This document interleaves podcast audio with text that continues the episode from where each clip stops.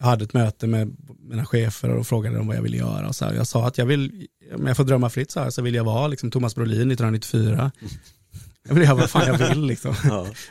Eh, Men bidra. Sådär. Och sen så gick det ett tag och så sa, sa chefredaktören liksom att bara, vill du vara, vill du vara Brolin?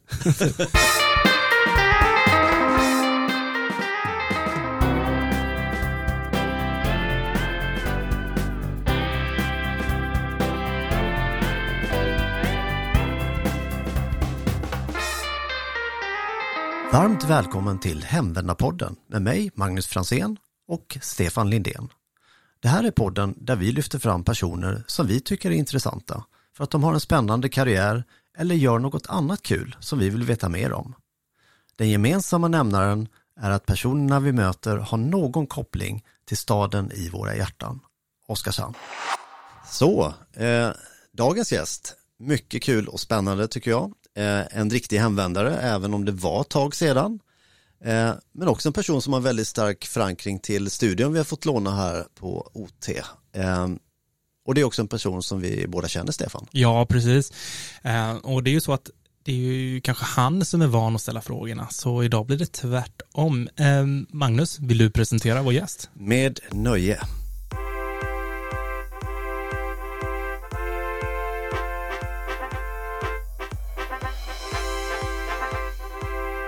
Håll i dig. Innebandyvirtuosen som lämnade Oskarshamn för Stockholm, men kom hem igen. I drygt 20 år har han varit Oskarshamnstidningen trogen. Men de som upptäckt och beundrar hans texter sträcker sig, sträcker sig långt utanför länsgränsen. Aftonbladets ikoniska pop och sportjournalist Per Bjurman har benämnt honom som en av Mediasveriges spänstigaste skribenter. Med en imponerande kunskap inom sport och nöje visar han med outtröttlig nyfikenhet att han bemästrar att både skildra det allmänpopulära likväl som att plocka upp smala, bortglömda företeelser och väcka dem till liv igen. Med sitt underhållande sätt att skriva fångar han läsarna och målar bilder av tankar och känslor som andra upplever men inte kan formulera själva. Bredden är enorm och numera skildras allt från mello till politik, från gripande personporträtt till svamlande underhållande hockeypodden Icke Dicke Doa. Enligt Stefan är han också Sveriges bästa hockeykrönikör. Välkommen till Hemvändarpodden, Christian Gustafsson. Åh gud i himlen vilken fin eh, presentation. Hur kändes den eh, intro introduktionen? Ja. Jobbigt med beröm. Ja, Det var, ju, det var ju otroligt lång och ännu finare än vad den var lång. Ja, det var fantastiskt. Tack så mycket. Men inte hur mycket som stämmer. Men, Ja, men det stämmer ja, väl. Ja. Men du, men du har svårt för det här med beröm. ja, det har jag faktiskt. Jag har svårt för det här med att jag svarar. Jag, många tycker att jag är dålig på att svara överhuvudtaget.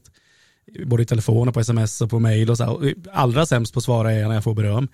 Alltså jag, jag har inte hur många mail jag har som är så här dåligt samvete att jag har fått jättefint beröm och så jag bara, jag vet du berömde mig en gång på ett helt fantastiskt sätt Ja. på, på Facebook och jag, jag gick och hade ångest liksom, frågade min fru över det där liksom.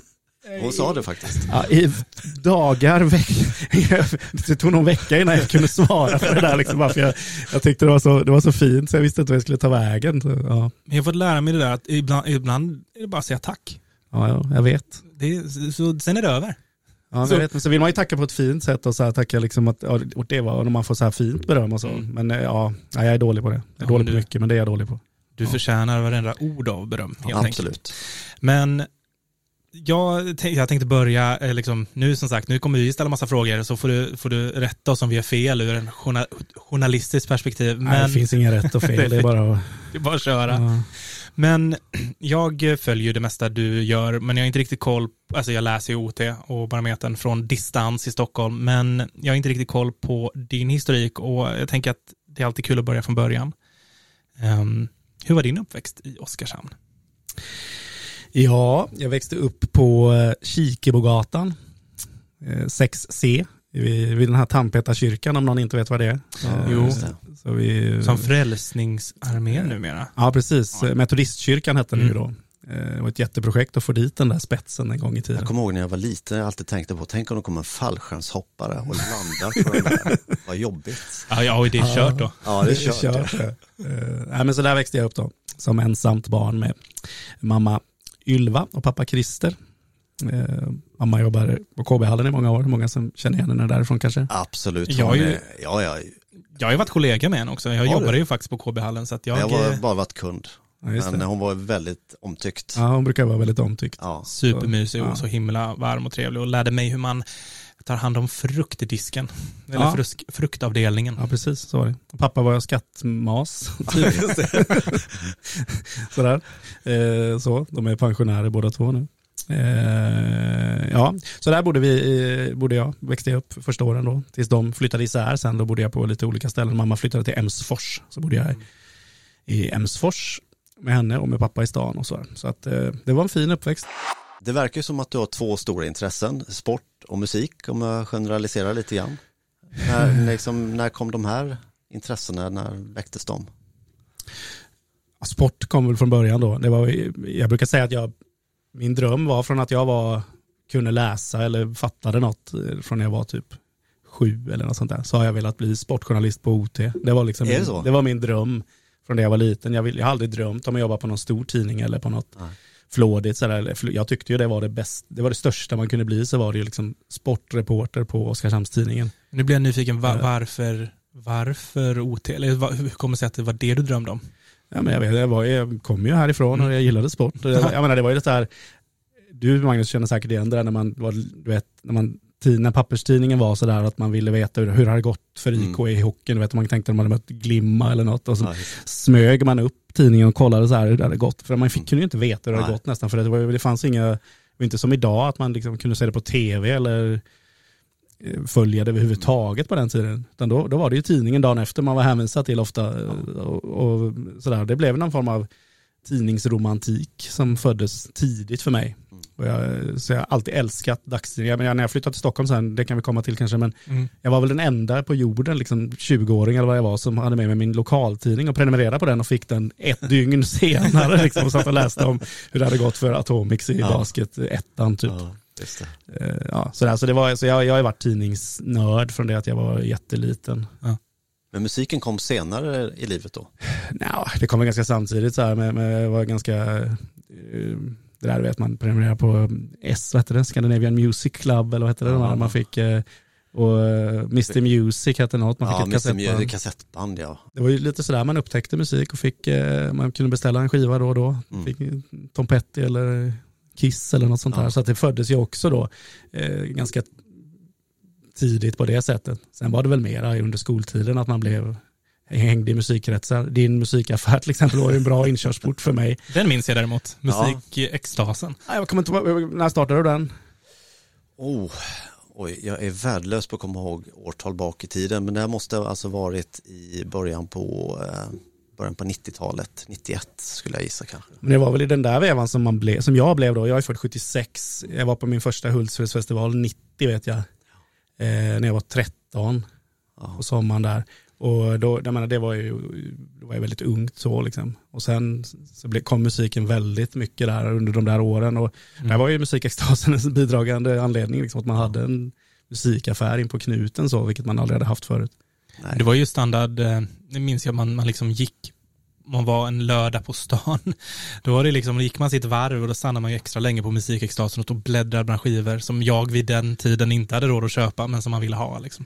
Men det är, det är fint, jag får faktiskt, av alla saker jag har gjort så är det nog det jag oftast får prata om fortfarande så är det, precis som ni säger nu, man kommer fram av minnen och den där skivaffären och det är fint för jag ville ju att det skulle vara mötesplats. Mm.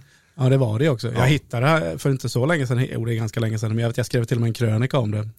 Som eh, jag pratade med Sandra Voxe som jobbade Ja, hos dig. Vi pratade om den med, då hittade jag en skiva från, jag, jag tror det var Olle Ljungströms, där du vet den här gröna första. Ja, 179 spänn liksom kostade den.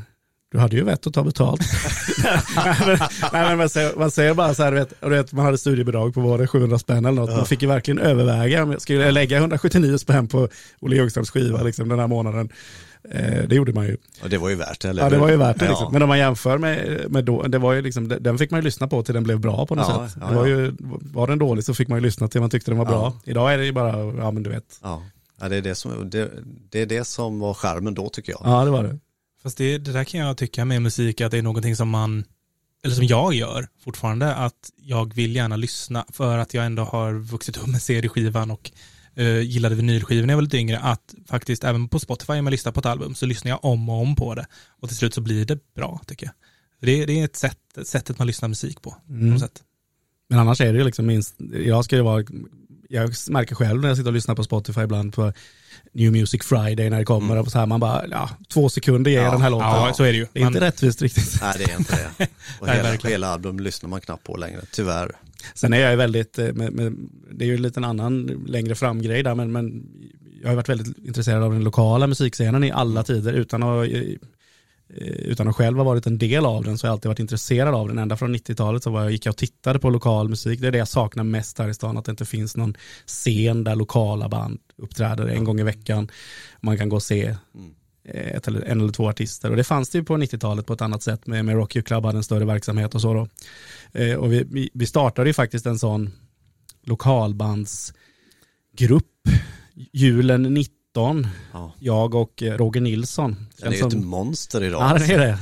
Han är känd som både rektor och rock. Eh, ja, men jag tänkte listan är ju ett ja, monster. Alltså, ja, men, men, Roger är nej, Roger, nej, det, ska inte, det epitetet ska inte ge Roger. Nej, men, det var Christian som sa det Roger, om du lyssnar. Ja, jag, jag startade den där i alla fall och, och så skrev jag på Facebook, kan vi inte göra en lista över liksom lokalband i Oskarshamn? Jag tänkte det blir väl en 30-40 stycken. Så skickade Roger till mig, bara, du vet inte vad du har satt igång nu. Och mycket riktigt.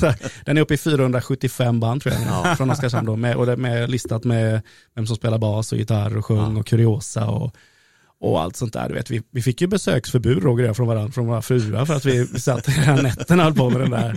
Gå gärna in och titta på den på Facebook. Ja, jag brukar vara inne och kika ibland faktiskt. Den är fantastisk.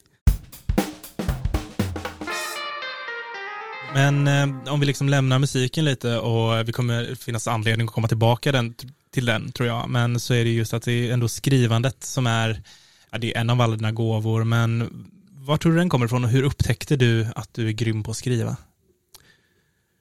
Ja, det vet jag inte. Men jag, när man upptäcker sånt. Men jag, jag, är inte bra på så mycket, men jag, jag har alltid själv tyckt att jag är bra på att skriva.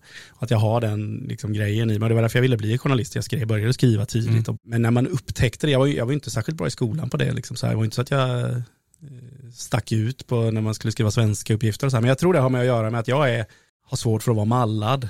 Mm. Vilket ni märker i alla sammanhang. Så där, att jag, eh, ni frågar en fråga, svarar jag på något annat jag är ganska medioker när jag får en chef som säger till mig, du ska skriva det här på 1500 tecken om det här och det här.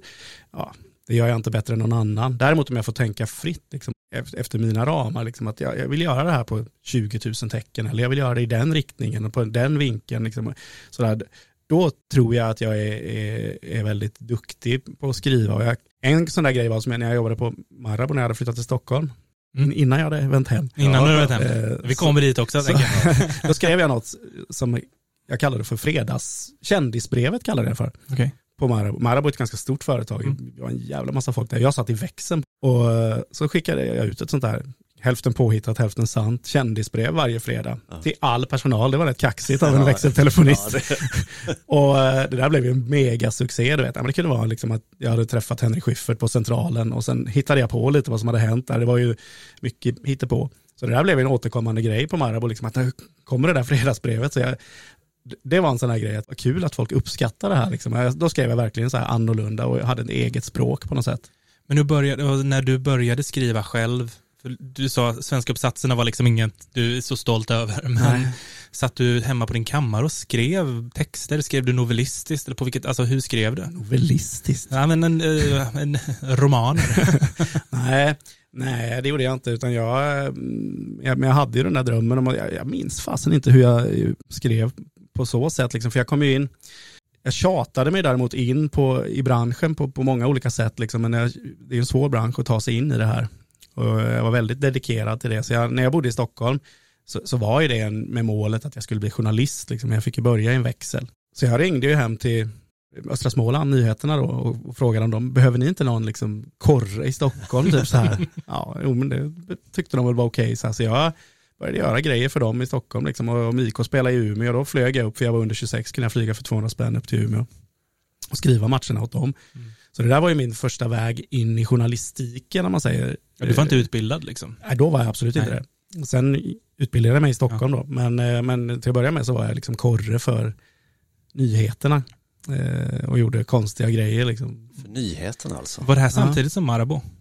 Ja, Så där blev du liksom, där, var, där började din journalistkarriär och din krönikörkarriär kan man säga. Min journalistkarriär började ju på riktigt. Eh, Jag hade gjort lite små grejer då för nyheterna så och skrivit saker åt, ja, men om Kalmar FF var i Stockholm eller vad det nu kunde ha varit. Träffa Fredrik Olausson och Mattias Johansson när de var med i landslaget och sånt. Det var ju, jag var ju helt, bara, jag kunde ju ingenting. Liksom. Jag lärde mig väldigt mycket snabbt. För de trodde det var en riktig journalist som kom och så var det jag som kom. Så allra mest var det ju så när jag gjorde en intervju med boxaren Leif Keiski, kommer ni ihåg honom? Ja, kom ihåg. Eh, du kommer ihåg honom? Mm. Han var ju duktig liksom. Han var ju polare med Per Bredhammar från Oskarshamn. Mhm. Så Per hjälpte mig och fixade liksom att jag fick göra en intervju med Leif Keiski inför att han skulle boxa som VM-titeln i vad det nu hette, någon, någon klass där. Och jag tänkte, ja, vad fan, ja, ja. det hade ju ingenting med OT att göra eller så. Men jag frågade Janne Brumby liksom, om han kunde, om jag kunde få med det här i tidningen. Så han sa, men det kan du få. Jag jobbade ju inte här eller någonting. Så då gjorde jag en intervju med Leif Keiski på Hotell Reisen i Gamla stan. Mm. Och han kom, du vet, han kom dit liksom, skulle boxa som VM-titel och bara, vad, vad har du för journalistutbildning? Jag bara, ja, inte så mycket. och så sa han typ att du får inte skriva något om pengar, hur mycket jag tjänar eller sådär. Liksom. Jag tror rubriken var typ så här, jag är ekonomiskt oberoende eller något. Det var, så här, jag var så desperat liksom. Jobbigt att ha en boxare efter sig om Ja, gör fel där. Men det, han läste väl inte OT.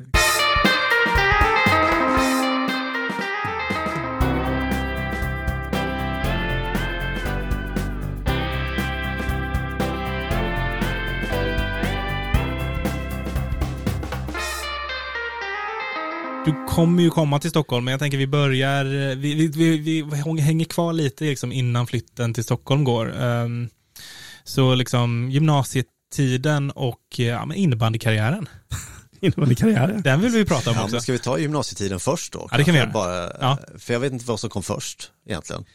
Alltså, gre- grejen var ju där, liksom, det, var ju mycket, det var mycket sport på den tiden. Liksom, Ja. eh, frågan, jag satt och tänkte vad fan skrev jag? Jag skrev inte, det var mycket, väldigt mycket sport då, liksom. jag var väldigt sportintresserad. Och sen var, spelade jag ju själv då, både fotboll och framförallt innebandy. Ja.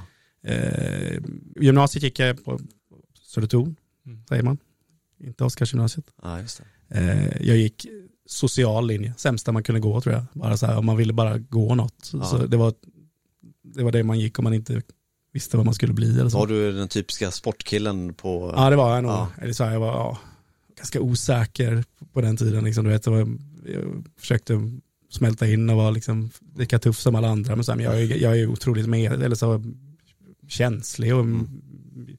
ja, men så lite mesig. Mm. Eh, Så jag var ju verkligen ingen tuff sportkille, men jag försökte vara det så. Liksom, så att jag, jag har aldrig trivts i den där omklädningsrummiljön egentligen på det sättet. Utan jag, nu är du en ganska ödmjuk person Christian, men eh, om inte jag minns fel så var du väl ändå ganska duktig innebandyspelare och ganska omskriven ett tag. Ja, inte hur omskriven jag var, men jo, men jag var väl ganska okej så med, eh, jag, jag tror jag gjorde 20 mål en säsong i det som idag är allsvenskan då. Hette division 1 då. Mm. Eh, när jag kom upp i A-laget där, det var en massa innebandyspelare här i stan som flyttade till Vimmerby och spelade. Ja. Robert Röding Nilsson, och. Johan Williams och eh, Danne Johansson, målvakten och sådär. Så då fick jag och några till chansen att komma upp i A-laget fast vi var juniorer då. Och så satte de mig i en kedja med dels Jonas Sari, en kille som är några år yngre än mig, men framförallt med Magnus Fagerström då, som är Oskarshamns bästa innebandyspelare genom tiderna. Han var nog en av Sveriges bästa innebandyspelare vid den tiden. Men han var så sjukt hemkär så han lämnade ju aldrig stan. Han hade ju spelat i landslaget hur lätt som helst. Och han hatade att skjuta också. Så, att, så här, det var bara att springa med klubban i backen så passade ju han och så blev det öppet mål. Typ. Så att det var ju väldigt tacksamt så. Ja. Men jag gjorde väldigt många mål den säsongen och, eh, och vi var ju på vippen och eh, gå upp i elitserien det året. 97-98. Men eh, istället kom vi femma tror jag och då åkte man ner en säsong. eh, För det var så att de gjorde om seriesystemet. Så det var, typ de fyra första gick upp och resten åkte, nej det var något konstigt. Så, här. så Ja. vi, vi åkte ur i alla fall. Okej. Eh, och då flyttade jag till Stockholm och sen fortsatte innebandykarriären där. För jag och Johan Granat, Mm. en, Nu kommer jag på en sak. Jag har någon minnesbild kom upp nu att du är i någon tidningsbild hoppar upp en flyttlåda. Var det när du flyttade hem sen eller när var det när du flyttade dit? Eller? nej det var när jag, eh, det var Hasse Broms, eh, som gamla legendariska fotografen här på OT som tvingade ner mig i en, en låda ute i Fredriksberg för jag skulle vara gubben i lådan. Liksom, du vet, att man, eh, ja. Och det var då, då sa även Roine Twingsell att det var värt att gå och titta på innebandymatcherna bara för att se mig springa, för jag kunde springa hur långt som helst. Liksom. Då vet jag inte om det var så kul. eh, ja, det var precis, den, den var ju eh, klassisk kanske på, på ett sätt. Eh. ja, jag vet inte varför jag kommer ihåg den här bilden. Men, den Nej, men vissa minnen sätter sig ju såklart.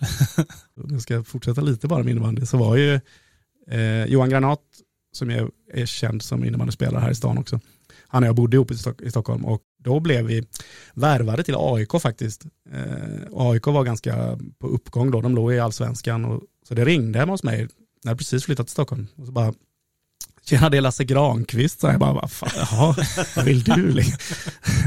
Då var det ju, han är kompis med Martin Wollmhed här i stan, Martin Johansson, ja, mm. som var aktiv då i innebandyn.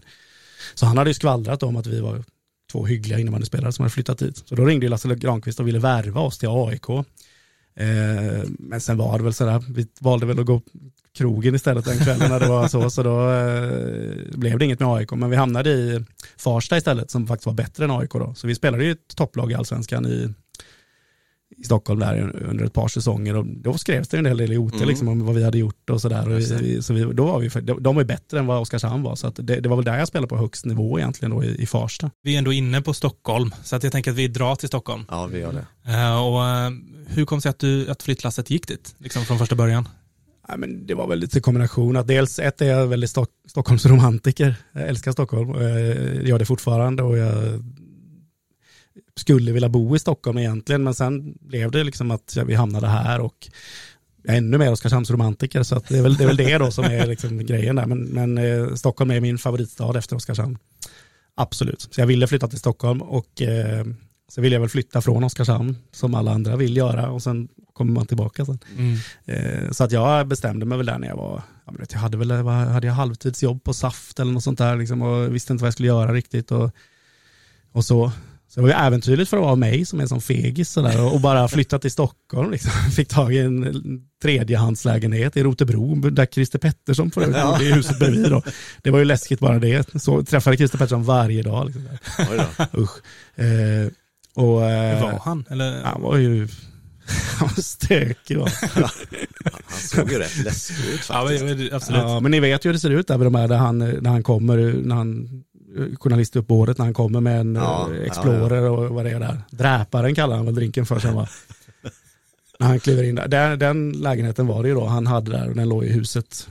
Inte riktigt bredvid men nästan liksom. Så att han hängde ju i Sollentuna centrum och sådär jag flyttade dit först liksom, mm. och det var väldigt många av mina kompisar som också ville flytta till Stockholm men som inte liksom, hade någonstans att bo. Eller så, så det, plötsligt blev det ju superpopulärt när jag hade en lägenhet där. Så att det var väl en fem stycken som bodde i den där lägenheten till slut. som flyttade med mig då på något sätt. Och, eh, ja, så jag hamnade i Rotebro i alla fall när jag flyttade till Stockholm. Då. Ja, mysigt. Jag läste, eh, jag gick in och tittade lite grann på din profil på Facebook och då såg jag Rotebro, och sen var det Fisksätra och Skogås står det. Jaha, har jag skrivit det där? Ja. Jaha. Du kommer inte ens ihåg eller? Jo, jag kommer inte ihåg att jag hade skrivit det på min Facebook-profil bara. Ja, men precis så var det. Jag bodde där och sen bodde jag i, i Skogås, kom nog före Fisksätra i och för sig. Eh, borde bara på sådana här flådiga ställen. ja, på tal om Stockholmsromantik. Ja, fisk, Fisksätra var ju speciellt där. Liksom. Det, är ju en, det ligger ju mitt i Saltsjöbaden. Mm. Två stationer från typ Solsidan. Ja. Otroligt flådigt och allting runt omkring förutom just Fisksätra som är 23 bruna hus på olika vinklar. och ja, det är mycket stök där. Ja, men det är fortfarande en stökig plats. Ja, det är nog ännu stökigare nu. Då tyckte jag, jag trivdes bra där. Marlboro, jag måste säga, men Marabou. Marabou fick du jobb på. Ja, precis. Uh, och det var liksom bara ett extra kneg, eller det var ett kneg för att Ja, det var för att jag ville flytta till Stockholm. ja. liksom. och så var, på den tiden var det populärt med bemanningsföretag, att man kunde få jobb väldigt lätt via bemanningsföretag. Mm. Och eh, växeltelefonist var ett väldigt vanligt jobb i de här eh, man, bemanningsföretagen. Mm. Manpower och allt vad de hette. Och var man kille och kunde tänka sig jobba sig i växel så kunde man välja och vraka. Okay. För alla företag ville ha killar, liksom. okay. det var bara tanter som satt i de där växlarna. Ja, ja. Så man blev ju superpoppis. Ja. så jag hade hur många som helst att välja på ja. och då blev det Marabou. Det är också så här sjukt hur sliding doors livet kan vara. Jag menar, då, det var så här, jag, jag bodde på Hantverksgatan då i en etta här. Vad var jag, 19, 20? Och hade varit uppe på den här anställningsintervjun på Marabou. och andra ställen. Och så åkte jag hem och så kände jag fan, Oskarshamn är bra, liksom, så här, det är jobbigt att flytta och jag, ja sådär. Så jag, bara, så jag ringde och sa att ja, tack så mycket men jag vill inte, jag tackar nej till jobbet. Och de bara, ja det var tråkigt liksom så här, för de, vi hade, jag hade varit uppe där och hängt med dem ett par timmar. Ja, så kändes det ändå skönt att jag hade tackat nej till det här. Så ringde hon som var chef i växeln tillbaka ett par timmar senare. Och sa bara, vi, vi pratade lite här, skulle, skulle du ändå inte kunna tänka dig liksom att komma upp och, och ta det här, för det, det, vi gillade dig och så här. Och, och, så jag blev så här, för, ja, så tänkte jag, ja fan okej då. Så, här, så ringde jag tillbaka och sa igen, då, bara, ja men jag tar jobbet, jag, jag gör det här.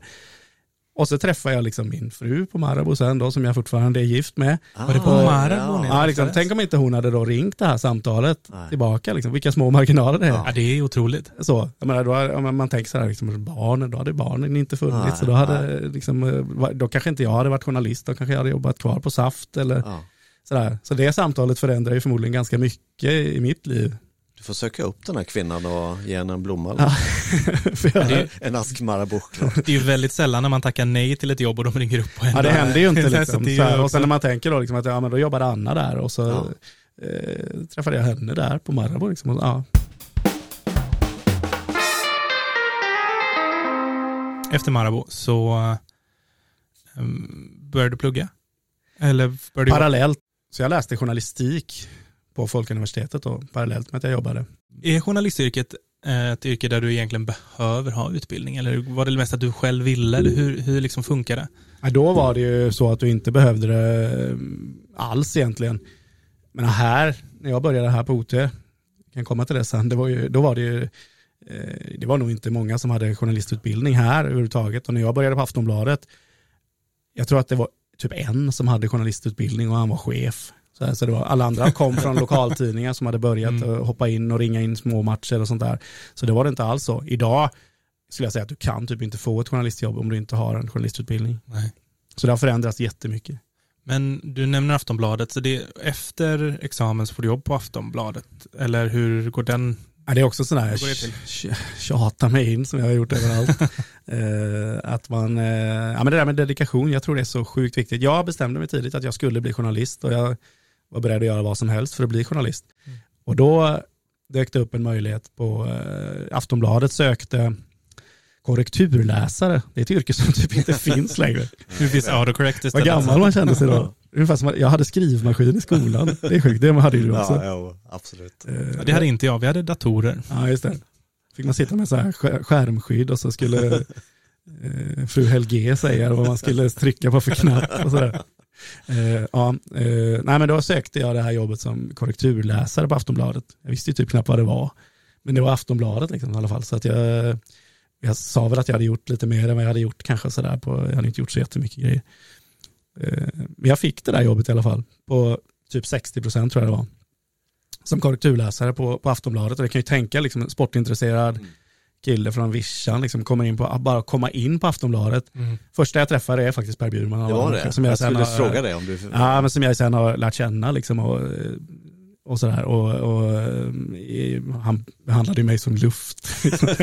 alltså journalister är ju, är ju hårdhudade, otrevliga, Ja.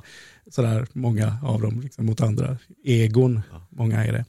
Och, men bara komma in på liksom Aftonbladet och se alla de här som var mina, för det har ju varit genom hela min, som jag sa, det tidningsromantiken. Mina idoler har ju inte varit kanske företrädesvis idrottsmän eller artister, utan det har varit journalister. Jag såg ju mycket mer upp till Mats Olsson och Per Bjurman och Andres Lokko än vad jag såg upp till de som de skrev om. Så det där har ju varit att bara komma in där och se liksom Lasse Anrell i verkligheten eller vad det nu kan ha varit för några. Ja, alla ja, var var Aftonbladet liksom ändå den platsen du mest ville jobba på av alla tidningar? Ja men det var det väl på ett sätt. Sådär, liksom, det var väl det var väl drömmen liksom att komma in Mm. där och jag var ju bara liksom allra längst ner i näringskedjan när jag kom in Mm. där. Liksom, de, ingen tittade åt mig ens. Men jag började ju direkt.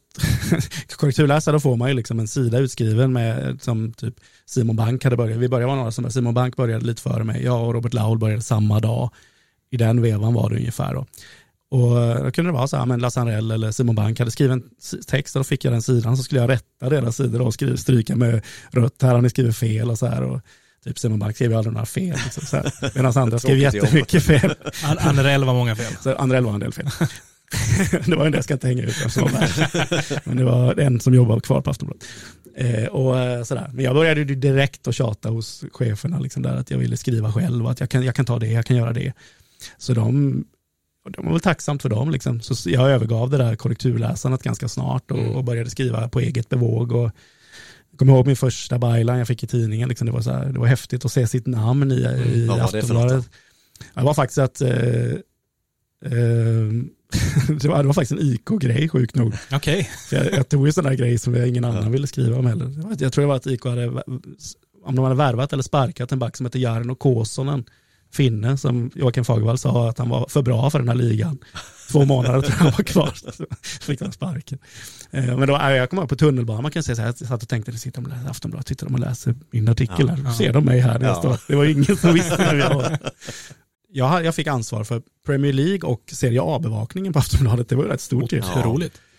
Så jag hade en sån här baksidan på Sportbladet varje dag så stod det så här Premier League med Christian Gustafsson. Det kan ni fatta hur mäktigt det Ja, var. Liksom ja, så, här, eh, så, så då skrev jag liksom om alla Premier League-matcher varje helg och bröt ut en som lite större och, och sådär. Så det var ju liksom skithäftigt och, och så jag hade börjat ta mig in lite sådär. Man får sen, förtroende. ja men sådär, det var ju liksom, eh, man lärde känna folk och, och sånt. Men sen skulle vi ha vårt första barn.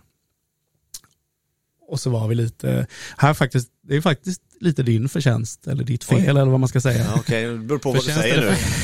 Det får vi se. Ja, men jag tänker, ibland brukar jag tänka på så här, undrar, jag, jag kunde ju, jag var inte fast anställd på Aftonbladet då, men jag, jag hade förmodligen blivit det.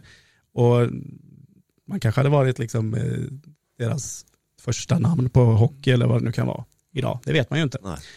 Så det kan man ju ibland bli nyfiken på vad som hade hänt om man stannat kvar. Men då var det ju så att eh, basketklubben här i stan hade ju bestämt sig för att gå upp i basketligan.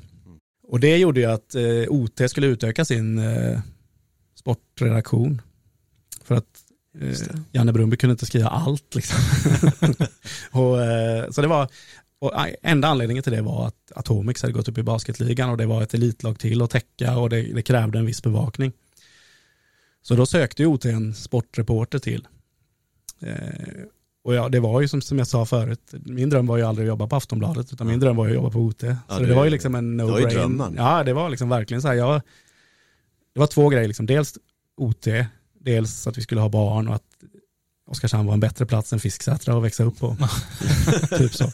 Men vi blev ändå så här, ja vad fan, jag visste ju inte ens om jag, jag hade ju inte fått det här jobbet ens, men jag sökte det i alla fall, eller pratade med eh, sportchefen som hette Jonas Kanje på den tiden, som idag är chefredaktör för Sydsvenskan. Just Det det. är höjdare Ja, i mediebranschen. Men jag fick ju det jobbet i alla fall då.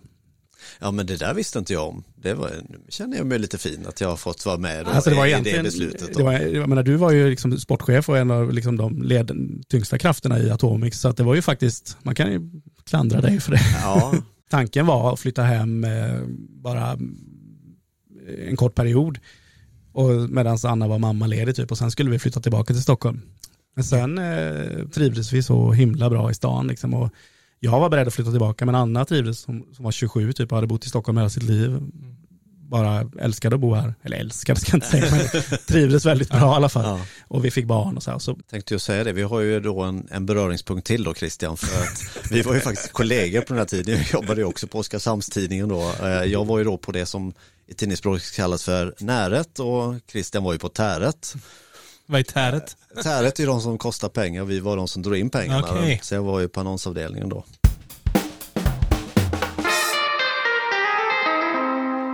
Ehm, Men eh, hur, hur minns du den första tiden där och, och hur, hur, liksom, hur, hur har resan varit på OT?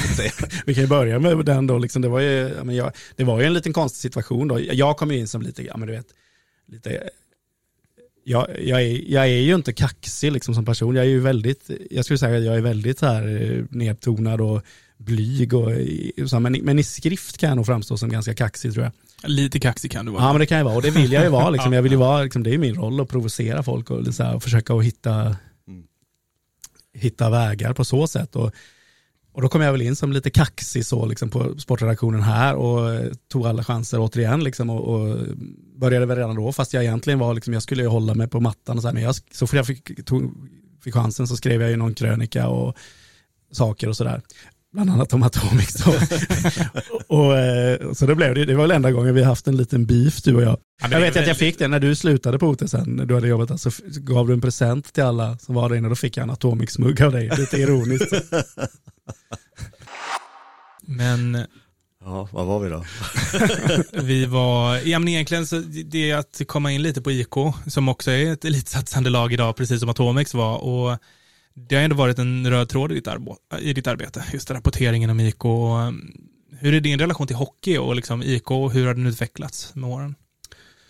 Ja, det är klart att det blir ju, den, det, är ju det man har skrivit absolut mest om mm. eh, i det här yrket. Så jag började ju som sagt redan skriva om det på Aftonbladet lite grann, så jag förde in IK-bevakningen på Aftonbladet kan man säga. Eh, och så jag, jag, jag, spelade faktiskt IK när jag var yngre. Eh, jag har varit 13-14 år. Det här har vi inte hört. Nej, men det, det, finns lagbilder och grejer. Jag var jätteduktig med klubban, liksom. Mm. ungefär som innebandy så var jag teknisk och sådär. Men totalt oduglig på att åka skridskor och ännu sämre på närkamper. liksom. Livrädd att bli tacklad. Så att jag var ju, det var därför jag började spela innebandy. För att jag där blev du inte tacklad. Det, det passade mig mycket bättre.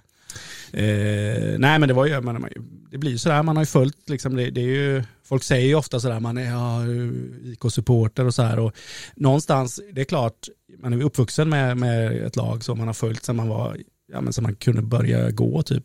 Och varit på hockey och eh, det är klart att jag har följt IK hela livet och det är klart att på, någonstans har man ju någon form av känsla för ett lag så när man kommer från en ort. Liksom, det har ju alla, alla andra, alla andra ljuger ju. Så, att, eh, så, så har det alltid varit att det har varit laget man har följt. På så vis. Därmed sagt att liksom inga, inga känslor som någonsin styr mig i jobbet eller eh, tvärtom kan jag triggas av liksom, att man vill göra rätt liksom. Mm. Och, eh, och sådär. Men, det, men, eh, så jag gick ju på hockey på 90-talet och, och tittade på matcherna och sådär. Var med från det att de började 92 där när, de, när du var fyra år. Men du var inte jättelångt därefter jag började kolla på hockey också. Jättelångt.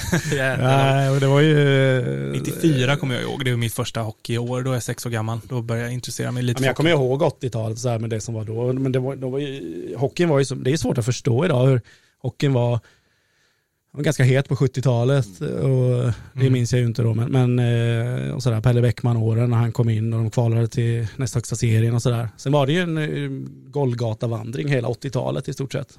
Pendla mellan trean och tvåan. Mm. Eh, vilket ju var väldigt låg nivå.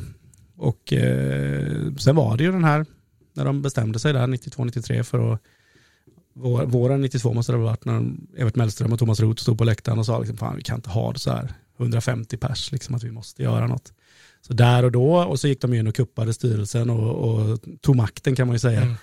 Och gjorde, ja, det är ju the rest is history på något sätt. Det, det, är också så här sliding doors ögonblick. Vad hade hänt om de inte hade gjort det? Nej. De var ju lite, en del av de här som styrde klubben då var ju liksom små vilda. Men det gjorde ju också att klubben tog sig någon vart. Mm.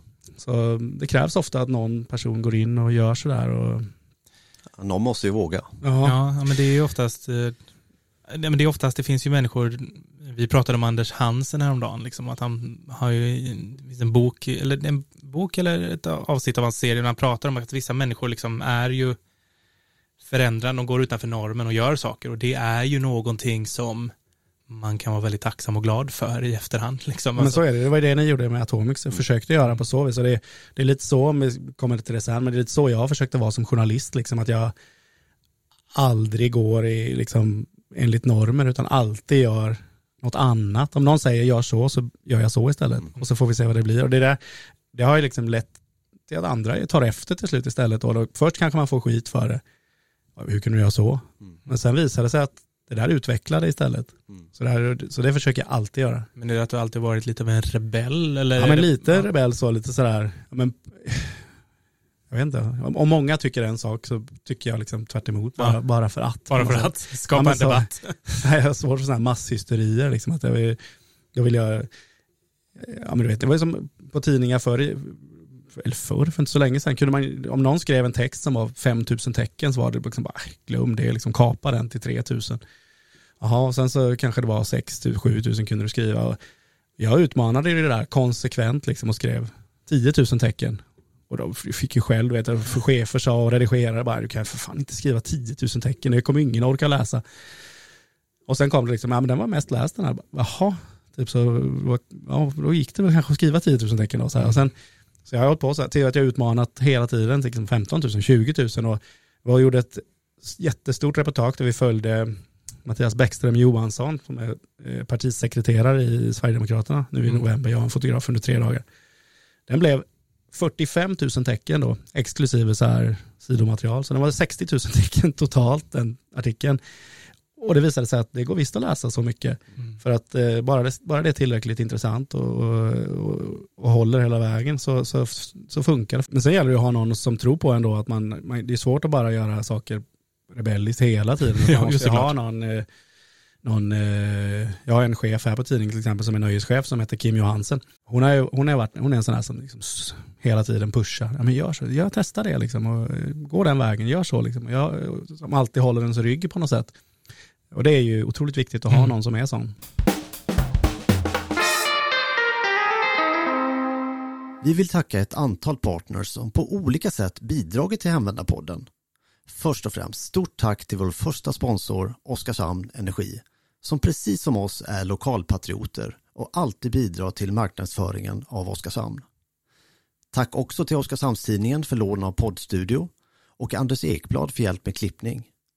Slutligen, ett varmt tack till Molly Minot och Adam Dimker som skapat intro och jinglar till podden och fotograf Cornelia Höglind som bidragit med omslagsbild. Vi är så tacksamma för alla partners som bidrar till det här projektet. Vill du också bli en partner eller ha tips på en gäst till Hemvändarpodden så är både jag och Stefan lätta att nå via sociala medier. Men du hittar också Hemvandarpodden på Instagram och där kan du också skicka DM. Eh, det är mycket tack vare liksom, ja men, tack vare, eller inte tack vare icke podden men det har ju blivit en det har blivit ännu mer förknippad med hockeyn genom icke Digidoa på något sätt. Mm. Jag kom på att jag svarade aldrig på den här frågan du frågade om hockeyn där, för jag snöade in på spelade hockey när jag var liten. Nej men eh, det, det är okej, okay. jag, jag, märkte inte ens det. Vad var ens frågan? Um, Kommer jag inte ihåg. Men uh, nej, strunt samma. Det jag ville prata om nu var ändå ja. icke Digidoa på den som har blivit väldigt, väldigt populär. Eh, berätta eh, lite om hur uppkomsten till podden är och varför du tror att den har blivit så populär. Eh, uppkomsten var så att eh, alltså poddar har inte varit så jättestort så jättelänge. Jag tror det var 2011 kanske, som jag och min dåvarande kollega här på, sport, eller på sporten som jag jobbade med då, som heter Jonny Larsson, vi startade en podd helt i egen regi som inte hade med tidningen att göra, som heter 0491-podden. Ja, just det. Kommer du ihåg den? Ja. ja. Eh, som var så här i poddarnas linda på något sätt. Och eh, där pratade vi väldigt vitt och brett om, det handlar om Oskarshamn. Jag tycker det var en skitkul podd, en sån mm. podd skulle jag vilja ha igen. Mm. Så den var ju startskottet till poddvärlden. Det var så jag började lära mig klippa lite hjälpligt och, och få ut poddar och sånt. Eh, så den hade vi ett par år. Och ända till vi sa, fan ska vi inte starta en riktig podd då i, i tidningens regi eh, om hockey. Och då ska man ju veta att IK var ju super, har ju alltid varit hett här i stan. Men det här var 2014. Då var det ju inte liksom det här super, super, super intresset. Det var ett stort intresse för IK, men vi startade den här podden i alla fall då. Jag, Jonny och Alexander Johansson var faktiskt med, gamla spelaren då, som mm. hänger i taket i hallen. Men sen, och vi märkte ju snabbt att podd var ju jävligt bra media. Så här. Jag, jag tror vi hade approachen från början var att liksom skriva, absolut inte ha någon så här tråkig rabblande podd där vi drar, drar statistik och sitter och är, som väldigt, väldigt många, i synnerhet sportpoddar är, mm. så här tradig. Vi skulle vara liksom, vi, vi hade lite den här 041 mm. approachen, liksom, att vi ska prata om liksom, Kråkan och stan och Stefans filmer eller vad det kan vara. Och Sura S. Och Sura S och, och sånt där. Så, så det blev ju liksom en, jag tror folk gillade det, att det var, man kunde lyssna även om man inte var så hockeynördig liksom, för det, men sen kom ju Jesper och ersatte Jonny i samband med att han, var det att han gick på pappaledighet Jonny? Nej, men det blev väl lite sådär, eh, Jesper kom in som eh, väldigt hockeynischad. Mm. Eh, spelat hockey halvdan va. Kalmar HCs mest utvisade spelare genom tiderna. Är det så? Mm. kul, kul statistik. Ja, precis. Han var även proffs i Frankrike i typ fyra veckor också. Så han, var, nej, men han, var, han har ju spelat hockey och sådär. Så då blev det väl naturligt liksom att eh, eh, vi körde podden där och så. Sen slutade ju Jonny på tidningen här. Vi har ju något man kallar beat-reporter idag. Eh, där det är ett amerikanskt uttryck från början som kommer från NBA och, och NHL och sådär. Och NFL. Där en person följer ett lag bara.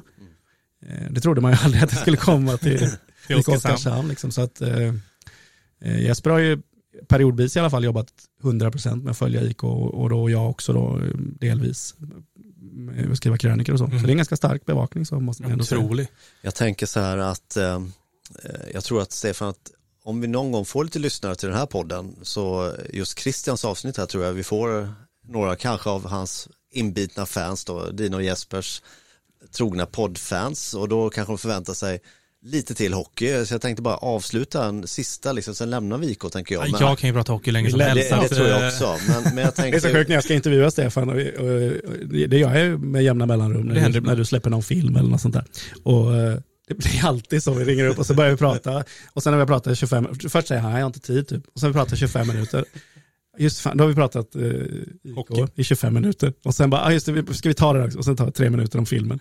Alltid samma visa är det. Ja, men det är ju under, det är ganska härligt. Det är som tidens sanna när du ringer och vi får prata hockey. Det är underbart. Och det är väl lite typiskt stan, vi har varit inne på det. Att det är ju det som förenar människor här i stan just nu, eh, är hockeyn. Och det är, det är något fint i det tycker jag. Verkligen jättefint. Ja. Men, men jag tänker nu då att nu kanske sitter några då trogna icke-dickedoa poddlyssnare och väntar, kommer det ännu mer hockey nu eller kan vi stänga av?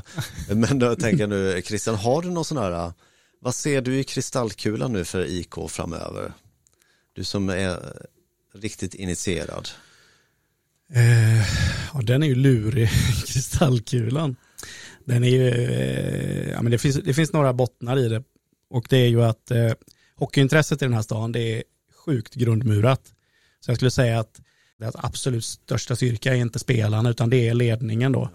Där eh, Martin Fylander är en otroligt viktig person som eh, huvudtränare och eh, stark kraft och i samverkan med sportchefen och Thomas Fröberg och eh, hela organisationen kring klubben som känns väldigt harmonisk för tillfället.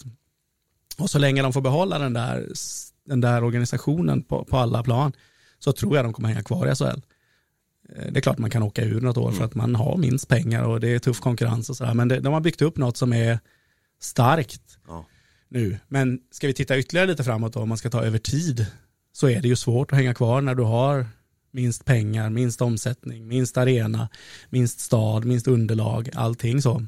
Då är det ju nästan omöjligt i längden mm. att göra det det är väl så enkelt att arenafrågan är nyckeln till om det ska bli något i längden av det här. Sen om man bygger om nuvarande eller om man bygger en ny, det, det återstår fortfarande att se. Men problemet nu är ju att det är ett, eh, jag tror inte så mycket har ändrats till att den här podden släpps, utan det är ju att det, nu är det ett moment 22 lite grann.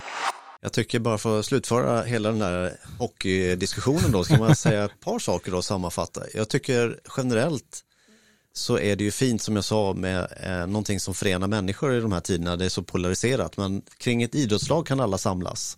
Gammal som ung och oavsett bakgrund och sådär och det tycker jag är något oerhört fint i det. Sen tycker jag också det är fint att eh, IK borde inte spela i SHL till exempel. Men det, det kan ju bevisligen hända liksom. Sporten är oförutsägbar och det händer mirakel ibland och det återigen, det är väldigt fint att få uppleva. Mm. Är det eh. svårt att hålla i det över tid då, eftersom det, är, ja. det, det, går en viss, till en viss gräns ja. på något sätt. Men, eh, men det är fint att det händer. Liksom, att, eh, ja. Jag vet jag skrev det när, när den dagen de gick upp, eller dagen efter de gick upp då, 9 april blir det ju då, 2019, 5000 pers på torget. Eh, alltså det, var, det, det är fortfarande ett av de så här häftigare ögonblicken som journalist jag har jobbat som och som Oskarshamnare på något sätt. Jag vet att rubriken var jag har aldrig sett Oskarshamn lyckligare. Nej. För det var verkligen så här ren och skär lycka. Liksom. Ja. Folk grät och kramades, som du säger, folk som aldrig hade sett varandra och den här paraden som var. Och, ja. Alltså det där är en dag som har etsat sig fast, i, inte bara hos mig utan hos Och det betyder alla. ju mycket på många olika dimensioner kan jag tycka så. Men... det här är frågan, kommer det någonsin bli större än det? Alltså skulle det vara större om vi vann SM-guld? Nej. Nej. Det var det största, det är det största, det är det största det är momentet det i största klubbens som har hänt. Liksom. Det, det kommer nog alltid att rankas som nummer ett skulle jag tro faktiskt. Om vi tar det som ett avstamp då vidare, för du har ju utvecklat, tycker jag, en imponerande bredd i din repertoar. Du adderar nya saker hela tiden, du skriver längre och längre som du var inne på. Eh, du hittar nya eh, infallsvinklar, det är liksom ganska djuplodande personreportage. Eh, Du kan ta dig an politik. Sen är det väl lite mello ibland och alltså det är en Ja, det är väldig bredd i det du gör. Hur, hur viktigt är det för dig att du får ha den här mixen, att det inte bara blir IK och sport? Jag tycker på något vis att jag slösade bort ganska många år som journalist. Liksom, man lärde sig ju saker såklart, men jag bytte ju roll på tidningen för, vad kan det ha varit, var det 16 eller 17 där någonstans. Eh, jag hade ett möte med mina chefer och frågade dem vad jag ville göra. Och så här. Jag sa att jag vill, om jag får drömma fritt så här, så vill jag vara liksom Thomas Brolin 1994. Jag vill göra vad fan jag vill liksom. Ja. Eh, men bidra. Sådär. Och sen så gick det ett tag och så sa, sa chefredaktören liksom att bara, vill du vara, vill du vara Brolin? så eh, lite så var det och sen, sen är det en överdrift för jag gör ju inte vad jag vill men, men eh, mycket styr jag ju själv. Eh, och då var ju tanken att jag skulle börja jobba mycket mer nöje och musik och så. Nästan bara. Sen kom hockeyn i vägen då när IK gick upp så blev det ju liksom att jag, så idag skriver jag ju hockeykrönikor primä- prim- primärt då och eh, blandat med en jäkla massa annat och det är ju hela min drivkraft liksom att hitta på nya saker och, och, och jag är ju inne på någon, jag vet jag hade någon gång hade jag draggrejen på tre avdelningar samma dag i tidningen, Ja. på Oskarshamnsidorna. Jag har skrivit ganska mycket om det här eh, tragiska mordet eh, på Ulf Sandberg nu och, och blivit, eh, jag har gjort de stora intervjuerna med, med, med hans bror bland annat och eh, skrivit krönikor om det och sånt där. Det man, man märker hur mycket det berör liksom och det, det är sådana grejer som är mitt i allt det hemska så är det ju också lustfyllt någonstans att, att göra de här grejerna som, som folk bryr sig om och läser och som blir lästa. Och jag försöker ju göra så hela tiden, liksom, skriva om saker jag tycker är intressant och, och ja, men bryta lite ny mark. I, I höstas startade jag en, på helt eget bevåg, utan att någon visste om det egentligen, startade jag en po politisk podcast om ja, men politiken i Oskarshamn inför valet. Det låter ju urtrist liksom. Och det var ju så här, folk bara tyckte, vad är du dum i huvudet? Varför ska du göra det för? Så intervjua liksom de här i folks ögon träiga politikerna då. Så här, vad kan det vara? Det visade sig att det var, det var jättemånga som ville lyssna på det här. Det var inte lika många som på Icke men vi hade liksom många hundra lyssnare per avsnitt och det är mycket mer än vad som läser många artiklar som skrivs. Absolut. Och, och som lyssnade en timme på det här när de pratade. Det blev personporträtt. Helt plötsligt fick man höra hur Magnus Larsson låter och hur Lena Granat låter. Och vad fan låter de så? Kunde de säga så? De visste ju typ ingenting om varann, politikerna. Många politiker säger, fan det var kul att höra. Jag visste ingenting om Lukas Lodge liksom. Och så, så visade det sig det var en så här, och så gjorde vi artiklar av det i tidningen varje dag som teaserartiklar. Och så blev det tidningsmaterial av det och så blev det en podd av det och så levde den vidare in i valet där jag blev någon form av politisk kommentator helt plötsligt. Jag, det var så här, jaha, vad kul. och, eh, jag tyckte det var skitroligt liksom. Jag, eh, jag tycker ändå jag klarade av det ganska bra, liksom, så här, på ett helt annat sätt. Många politiker var ju liksom, kom och sa vad, vad kul att få, eh, från, jag försökte skriva lite som sporten skriver. Eh, när jag skrev om eh, valdebatter och sånt där. Liksom. Och det var ju ganska hal is för mig från början, men det har gjort att jag börjat skriva om politik ganska mycket nu. Mm. Så, så där, det har varit så hela livet liksom för mig att jag har försökt att testa nya saker jag inte kan. Sjunga, spela liksom. Jag fick ju frågan, vi var ju konferenciärer på Tolvskillingsmarken ett år. Ja. Det nöjde jag mig inte med utan då skrev jag ju en låt som jag och min dotter skulle sjunga. Jag skulle spela gitarr och sjunga inför liksom hur många, hur många är det på Tolvskillingsmarken? Ja, många i alla fall. Ja, och jag kan varken spela gitarr eller sjunga särskilt bra. Men vi gjorde det liksom och så här bara ut, så här, jag älskar och hatar och utmanar mig själv på något sätt. Vad, vad hittar du all inspiration liksom? Det känns, du, du känns som en väldigt nyfiken person. Så, men vad hittar du, vad är drivkraften till, ja, men som den här idén till politiska, vad, vad hittar du allt? Ja, men jag skulle säga att man, det är så här, det är nog samma sak när man är filmproducent, liksom, att man lever sitt jobb. Det är väldigt få timmar på dygnet som jag inte liksom, tänker på mitt jobb, eh, medvetet eller omedvetet. Om jag duschar eller springer eller vad fan jag gör så, så kan det komma idéer och tankar och sånt där. Att man, eh, och det var ju en stor del tror jag i mitt skrivande. Liksom jag, eh, att jag har någon form av så här unikt språk när jag skriver. Det kommer nog mycket av att jag hade en blogg här i stan som fanns under 2007 tror jag vi startade den. Och eh, sen hade jag den och där skrev jag helt fritt och det var ju jävligt dåligt för jag skrev ju även på kvällar och nätter och semestrar och det var dåligt för familjelivet liksom sådär men jag, jag lärde mig sjukt mycket, jag skrev inte hur många tecken jag kan skrivit där, där formades ju mitt språk ännu mer på något sätt i den här eh, det var ju också ett tecken på så dedikation, att man eh, jobbade 16 timmar liksom för att jag ville skriva i den här bloggen hela tiden. Du vill, tror... bli, du vill bli så bra du kan på något sätt och vill ändå hitta, och hitta de mest spännande sakerna att skriva om. Ja, jag vet inte. Sen har man väl någon form av sådär ådra. Man vill ju bli läst och man vill ju bli, äh, även om inte jag tycker om att stå liksom i centrum, jag hatar ju att stå i centrum i verkliga livet, så gillar jag att stå i centrum i, i den här delen av, av livet, mm. liksom, att jag tycker om när, när mina grejer blir lästa och debatterade och och så. Så länge ingen berömmer det offentligt. Ja, man får inte berömma och man ska inte säga något dumt, elakt. Så det är svårt. Men du, Nej, men du har ju ändå så här, du har ju ett ganska stort medialt genomslag, alltså med det du skriver. Har fått, eller börjat ja, verkligen, få. faktiskt, det måste jag säga, liksom att det är något som man glömmer ibland. Det känns nästan som du är liksom en oskriven maktposition, lite, alltså det blir lite av ett språkrör i Oskarshamn. Alltså hur känns, känns det att ha den rollen? Språkrör? Nej, men, du är en, eh, du är ju en... Eh, Oskarshamns Per Oskarshamns, precis, hur känns det att vara Oskarshamns Per Åsa Domeij. Nej men du, du, är ju ändå en person som någonstans, jag menar det du skriver blir, som arenafrågan eller de här politiska, du, det är liksom jag tycker det är skithäftigt liksom, ja. på, på, på, sådär. Och jag, det inser man ju efter ett tag, som att, och speciellt, jag tror det har ju också att göra med liksom, att det är en mindre stad kanske, men, men eh, och jag är en väldigt profilerad skribent i den här stan. Och det, man påverkas omedvetet eller medvetet, men jag trodde väl kanske inte så liksom för några år sedan att man kunde påverkas så mycket, men jag kom, går till mig själv, jag påverkas ju av om du skriver att du tycker en låt är bra så tänker jag, men Magnus, jag gillar Magnus, jag, jag vet att han har bra musiksmak, då då lyssnar jag på den där låten och så, så blir du en inspiration till mig. Och så där funkar det med allt och jag, kan, jag har ju fattat det att politiker, liksom, de har ju de har ju ingen koll ofta på saker. De, de, de är ju vindflöjlar liksom som, jag har fått höra, liksom, ska veta vad politikerna, liksom, de, de tittar på vad, vad, du skriver, inte bara jag, men mm.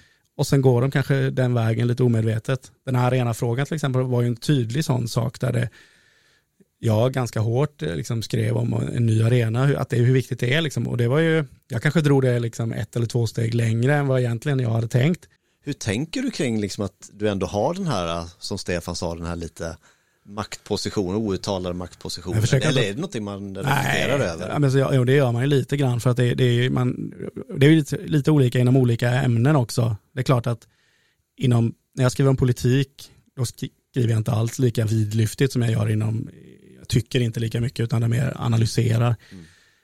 Och eh, man kan skilja, skilja det åt mellan avdelningarna så, men inom sporten, jag tycker det är min roll liksom att vara, och inte tänka för mycket heller. Eh, man kan ju tycka vad man vill om en sån som Conny Blomander som var på nyheterna i många år och slog åt hej vilt. Liksom. Han kanske gick för långt många gånger. Men han var ju också en var det något jag tyckte om att läsa så var det Conny Blomanders krönik för de var ju helt galna liksom, och vilda och liksom, han tyckte saker och så här. Så, så är det svårt att, skriva idag. För att det, det, det är mycket svårare att, att vara sådär med Alltså den gamla tidens journalistik var ju helt otrolig. Jag hittade någon krönika, på tal om innebandy, som Peter Wennman hade skrivit. Eh, vad kan det ha varit, 90 någonstans där innebandy-VM, typ första innebandy-VM när han skrev att ni förtjänar inte ett VM, plasttöntar, var rubriken.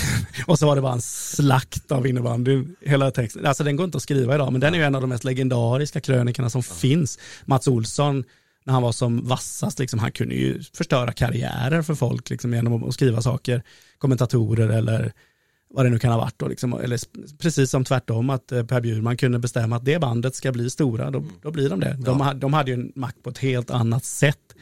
Däremot har man ju, jag märker ju mycket i opinionen kan jag ju styra ganska mycket. Om jag tycker en sak så, så tycker ganska många likadant. Det, märker, det blir lättare för folk att tycka så. Om jag skriver att sparka Håkan Åhlund så blir det lättare för folk att tycka att man ska göra det och då blir det i sin tur kanske, då kanske klubben också nu vet jag inte om det var så i det fallet, men, men eh, då tycker klubben, det blir lättare för klubben också om liksom tidningens röst mm. tycker det, för då man styr opinionen på ett sätt mer än att man har makt på det sättet skulle jag säga. Ehm, tycker du att eh, journalistiken blivit tråkigare för att man inte får ta i sådär? Ja, det har den ju. Ja. Den, den har ju blivit tråkigare på så sätt. Så att, ja, men jag, det är lite av min drivkraft att försöka göra, liksom, jag har en käpphäst hela tiden när jag skriver och det är, och även när jag gör poddar, liksom, det ska vara underhållande. Mm. Det är min första, vad jag än skriver om, om det är liksom, precis vad den är, så är min första, liksom, att det måste vara underhållande. Vem fan ska annars läsa det liksom, om det inte är underhållande?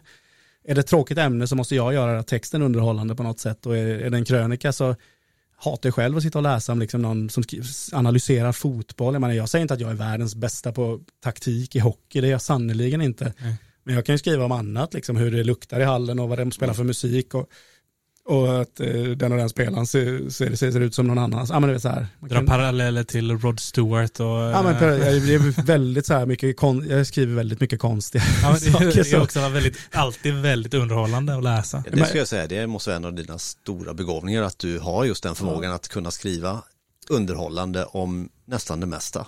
Ja, jag tror det. Det är Ja. nog det som är, och hitta på sådana konstiga grejer som jag vet, jag gjorde under pandemin så skulle IK spela, vad fan var det, nio matcher på 15 dagar eller något. Det var så här, då, då tänkte jag, vem, vem har haft det liksom mest hektiskt genom tiderna? Så skulle jag hitta på någon parallell då. Så kom jag på liksom att Phil Collins 1985 när det var Band Aid, Live Aid var det va?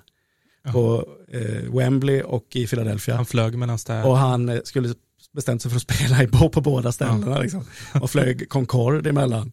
Och fick ta helikopter från eh, New York för att hinna till Philadelphia. Det är hans andra spelning den dagen. Han skulle spela i London och Philadelphia samma dag. Och så bestämde jag att jag ska ta reda på allt om den där. Så jag satt och läste om den här spelningen med Phil Collins. Liksom, eh, hur mycket som, jag la ner så timmar på det.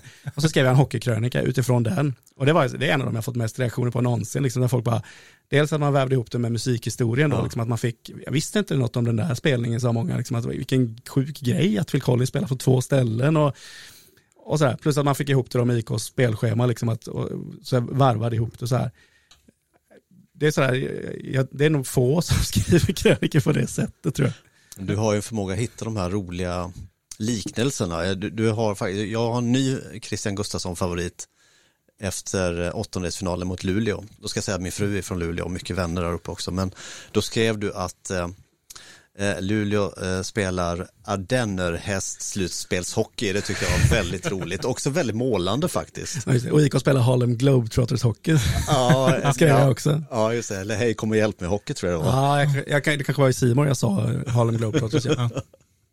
Ja. Men eh, kan du, alltså, nu blir jag lite så här, ehm, alltså ditt sätt att skriva krönikor på någon, har du något sätt liksom, kan du köra en krönikeskola med mig och Magnus här, hur, hur tar du dig an en krönika? Och hur lång tid tar det att göra? jag tror det är svårt att hålla en krönikeskola. Du, antingen har du det eller så har Mm. du det inte.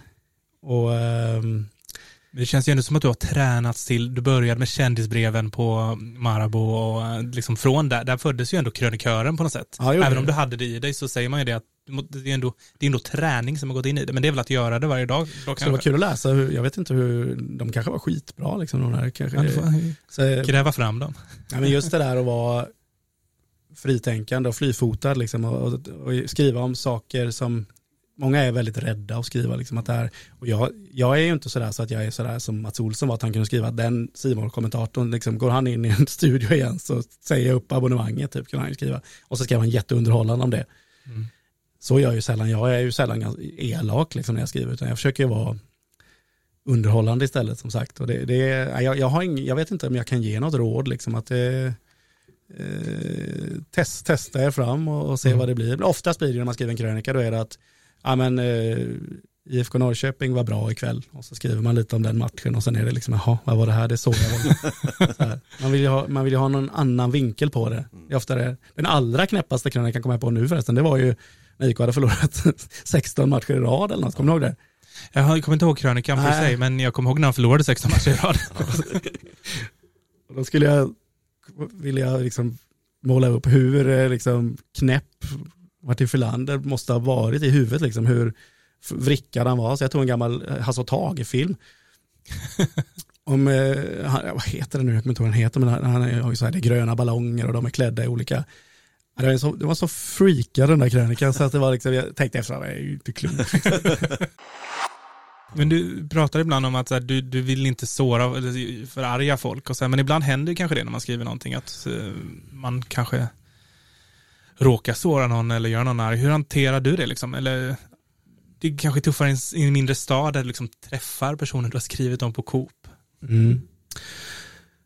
Ja, det där är ett dilemma när man är i en mindre stad och skriver generellt så liksom att man, eh, det vet jag vi har pratat om en mm. gång, eller du skrev det, mm. att det, det, det, är ju ett, det är svårt det där och jag kan ju inte rucka på mina journalistiska principer eller något egentligen bara för att ja, men jag känner Magnus så måste jag skriva något snällt om dig eller så här.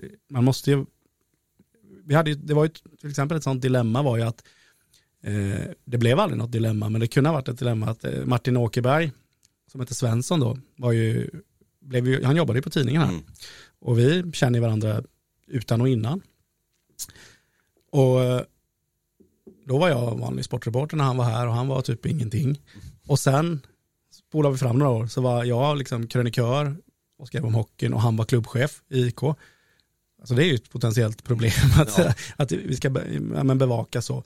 Men vi tog ju typ i hand, det gjorde vi inte, men vi sa ju liksom att vi, ja, vi, vi är vänner, men vi, eh, låter det aldrig komma i vägen för jobbet. Och det slutade ju nästan med att vi slutade umgås i stort sett. Det var ohållbart liksom att vara kompisar, nära kompisar, när man hade de rollerna. Så, så det, det, var ju det var ju ganska trist liksom att man tappade den där, men det var, det var skitsvårt. Och jag tror aldrig jag har väjt för att skriva något om, om IK. Liksom. Tvärtom har jag liksom skrivit väldigt, eh, när de var på randen till konkurs 2015 och så här. Det var ju, det var ju jobbigt att se liksom Martin så fullständigt knäckt, han gick in i väggen och, och så där. Men jag var ju tvungen att hålla, ha mitt, jag hade ju mitt jobb liksom och, och mm. skriva om det och så här. Och, eh, ja, vi är vänner än idag liksom. Nu har han ju slutat så att nu kan vi vara lite vänner igen. Nu kan vi umgås igen. Men det är svårt det där. Det, det är liksom, eh, när, när, om du ställer till med någon skandal, Stefan, liksom här, det, i filmbranschen, så där, det blir ju vi känner ju varandra. Mm. Men likväl måste man ju skriva om det. Då kanske det inte är jag som ska skriva om just det den gången. Utan det får man ju då. Nej, så kan det ju vara. Eh, och göra sådär. Men man, det är klart. Det, det, finns säkert massor av folk här ute på gatorna som tittar snett på mig att jag skrev något. För det mesta tänker man inte. Det är bara, för mig är det bara en rolig formulering kanske. Mm. Eller sådär man tänker. Och så tänker man inte på att man kanske sårar någon. Mm. Och det är ju jävligt konstigt. Men, men eh, jag lovar, det finns hur många som helst som, har, som jag har skrivit några taskiga saker om. För det vet man själv om man får någon som skriver en taskig kommentar, hur djupt det sätter sig. Mm. Så. Är det något som är jobbigt, tycker du? Eller hur? Ja, det är jobbigt. Det är det ju liksom, och speciellt om man... Eh, sen är det ju lite självvalt av mig. Jag har ju den rollen liksom som ska vara det där. Eh, därför är det skönt som det är nu med hockeyn, när det är så påpassat med hockeyn och det är så stort med hockeyn och att vi har uppdelade roller. Att jag är, jag skriver det subjektiva.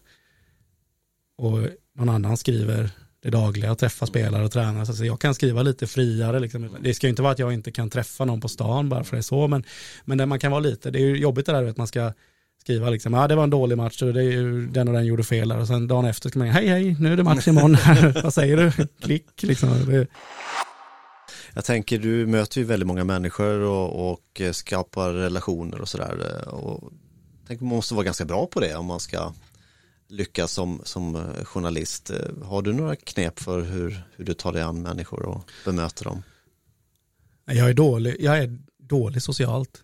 Jag, faktiskt, det, eller jag tycker själv, jag tror inte jag är så dålig egentligen. Men, det men tror inte jag heller. Men jag har den bilden av mig själv att jag är liksom en eh, motsatsen till ett socialt geni. Liksom många är ni två är jätteduktiga på det, liksom, så här, och träffa folk. Jag har så oerhört svårt för sådana här småsnack och sådana där saker. Liksom. Jag, jag, jag, är inte särskilt bra på det. Så jag, jag har inget, inget bra, bra knep för det överhuvudtaget. Sen tror jag inte att folk upp, uppfattar mig som det. Men... men det känns ändå som att du kommer ganska djupt in på de personer du intervjuar och du får dem att öppna upp. Och, um, så någonstans har du någon förmåga. Ja, eller i, något i yrket knep. har jag ja, det. Yrket, ja. det tror jag. Det tror jag också är att man, man har liksom den här lite, jag framstår nog som ganska snäll liksom man pratar, mm. när man pratar. Och jag är ju ofta imponerad av folk i grunden och så här, att man har eh, och försöka komma, det är ju det som är grejen, att komma nära folk. Jag har svårt att göra en, det är därför jag började skriva långt, för att jag tyckte det var så svårt att, att fånga en människa på få tecken. Liksom, och så här, att man mm. bara, fan det blir bara på ytan. Liksom. Jag vill ju göra djuplodande, jag vill göra, man brukar säga det att det svåraste som finns i journalistik är att skriva kort och långt. Mm. Det, Birger Bure, en gammal känd journalist, sa ju liksom skriv, skriv kort, helst inte alls. Det var ju en, en devis han hade. Och det, det, är svårt att skriva kort. Och skriva någon, jag är ganska dålig på det liksom. Men det är också svårt att skriva långt. Skriva långt för sakens skull, det är världens enklaste sak. Det är bara att sitta och skriva. Liksom. Men sitta och skriva långt och få det relevant, mm. det är skitsvårt. Eh, så det är en sån här utmaning, jag försöker utmana mig själv i. Men en sak som jag minns, eh, Erik Niva tror jag som hade ett sommarprat när han pratade om att en journalist måste förstå en persons bakgrund för att kunna nå dem. Han pratade mycket om det här sociala arvet. Är det en del av din process också att du försöker, liksom, som när du intervjuar en person som kanske har olika åsikter om dig själv, försöka liksom förstå personen eller hur, hur tar du dig in där? Jag pratade faktiskt om det med just eh, Erik eh, Niva, om, det, om den, den delen av journalistiken att du kan inte skriva Eh, en sak och få någon annan att förstå om du inte själv förstår ämnet. Det där brottas jag med ibland, för ibland är det ju att liksom jag, jag kan inte det så bra, men jag, jag, tycker ändå det är kul att skriva om det på något sätt. Att man, man kan ju inte vara liksom superkunnig om allt, men, men det, är en, det är helt korrekt så liksom att det är svårt, det är nästan omöjligt liksom, om, om inte jag fattar ämnet jag skriver om, hur ska jag då kunna förmedla det till någon annan? Eh, så det, så det gäller ju att kunna sitt ämne också. Det är, svårt att kliva, det är därför det är svårt att kliva in i nya roller och sånt där. Men det är ju att, att jag har tagit liksom, att det har blivit musik, sport och politik. Det är för att jag är intresserad av musik, sport och politik. Mm. Mm. Jag skulle ha svårt att skriva om liksom, kärnkraft eller något liksom, sådär, som jag inte kan något om.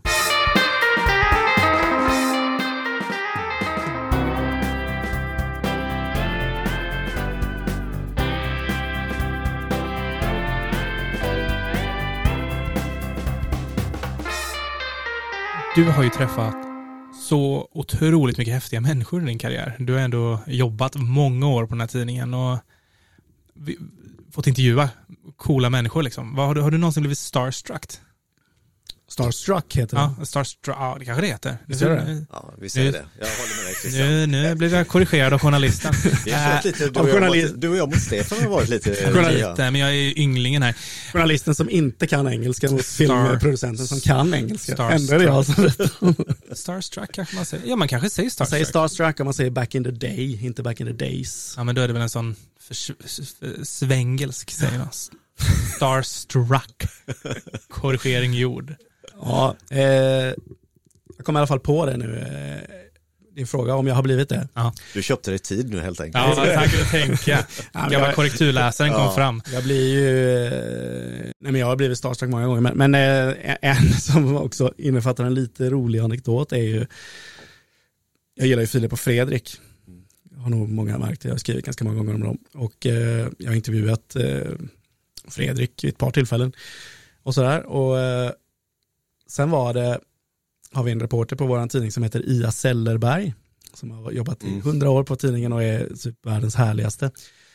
Och Filip Fredrik började i sitt program Breaking News och eh, ha med Ia. De klippte in så här lokaltidningar ibland. De tyckte hon var så jäkla härlig när hon, bland annat från Oscarsgalan ja, var det hur hon, eh, hon var liksom, de bara, Sveriges härligaste reporter. Så här. och eh, från Iron Man och, de, och, och sen De tjatade om det där och de frå, liksom skickade någon gång och frågade om hon ville. Hon bara nej jag vågar inte. Typ så här. Och sen en dag när jag var nere i Kalmar och jobbade så kom vår chefredaktör Anders Enström in och sa Christian kan du, vad gör du ikväll? Typ så här, jag bara, vadå? Liksom, ja, men det, de har ringt från kanal 5 här nu så att eh, de vill ha med Ia i programmet men hon vågar inte åka själv så du ska egentligen bara åka med och vara stöd till henne, sådär mentalt stöd liksom. Och eh, jag tänkte, fan det är ju var med på en tv-inspelning med Filip Fredrik. Det, ja, visst, absolut. Så vi fick ju, så de stod ju för det, Discovery då. För, eh, ja, det var taxi, det var flygresor för två och det var hotellrum på flott hotell med enkelrum och det var liksom taxiresor överallt och stod alltid någon med en skylt, det stod Sellerberg på var vi än var. Så, här. Det var, man, det var liksom, så jag, jag fick också lite i uppdrag då att skildra den här ja. resan. Eh, så det gjorde jag, så jag gjorde, vinkeln var liksom hur mycket pengar de la på de här. För det visade sig att hon var med i typ en minut och 48 sekunder i programmet. För de här två dygnen de skickade två personer då. För att grejen var bara, det, hela, det var, blev en debatt mellan Filip Hammar och eh, Sara Skyttedal, kristdemokraten, i ja. studion. Där Filip blev så förbannad på henne för hon hade börjat samarbeta med Bert Karlsson på något sätt. Så de började bråka. Och det bara drog ut på tiden och drog ut på tiden. Och det gjorde att det här segmentet med Ia bara försvann. Så de tog in Ia, gav henne blommor och så fick hon gå typ. Så hon var med, ja men typ inte ens två minuter. Så jag räknade ut då vad det kostade med alla de här flygresorna och det, fram och tillbaka där. Så det visade sig att det kostade ju så många hundra i minut. Ja, det, var, det, var, det var väldigt kul i alla fall. Och så. Men då efter sändningen så kom, skulle Ia och jag åka till hotellet, men då kom Filip Fredrik ut efter Brown och bad om ursäkt, liksom, vad kort det blev. Liksom bara, så sa jag typ Fredrik, bara, ska, vi inte, ska vi inte gå ut och ta en öl? Och jag, du vet, bara, det här är ju det är min dröm, liksom, gå ut och dricka öl med Filip och Fredrik. Det, det, kan inte bli bättre. Liksom. Det skulle vara om Ulf Lundell var med också. Men, men, eh, och, så här, och då hör jag Ia säga bara, nej vi ska med ett flyg tidigt imorgon, så en annan gång. Jag bara, men är du dum? Liksom, vad säger du? Det blir inte så många andra gånger där kanske. det var ju så här, då var jag ju starstruck liksom. Ja. Och, eh, gick miste om den där ölen. Men jag skrev det i texten istället för så jag hängde ut henne. Ja, det fick du själv av henne sen. Sa jag så? så? Men eh, några andra, någon mer gång du har blivit starstruck? Du som gillar kändisar. Ja. Nej, men jag blev inte sådär jättestarstruck längre kanske med, på det sättet. Men eh, jag, jag kan ju bli starstruck sådär om jag träffar Jocke Roth eller Mikael Ekström, någon sån där gammal hockeyspelare liksom från eh, de tycker jag det, det är här, de har en nostalgikväll ja. i IK en gång om året så de bjuder in alla, alla spelare som har gjort en säsong i IK får en inbjudan och får komma och käka trerätters och gå på match och bo på hotell om de vill. Kom över 60 eller 70 stycken i Oj. år. Och så bjuder de in journalister som har varit med ett tag också då. Så, så det, det, brukar vara skitroligt det där att träffa gamla, gamla spelare liksom, som man har, eh, har en relation med som kommer mm. tillbaka nu och så här. Mm.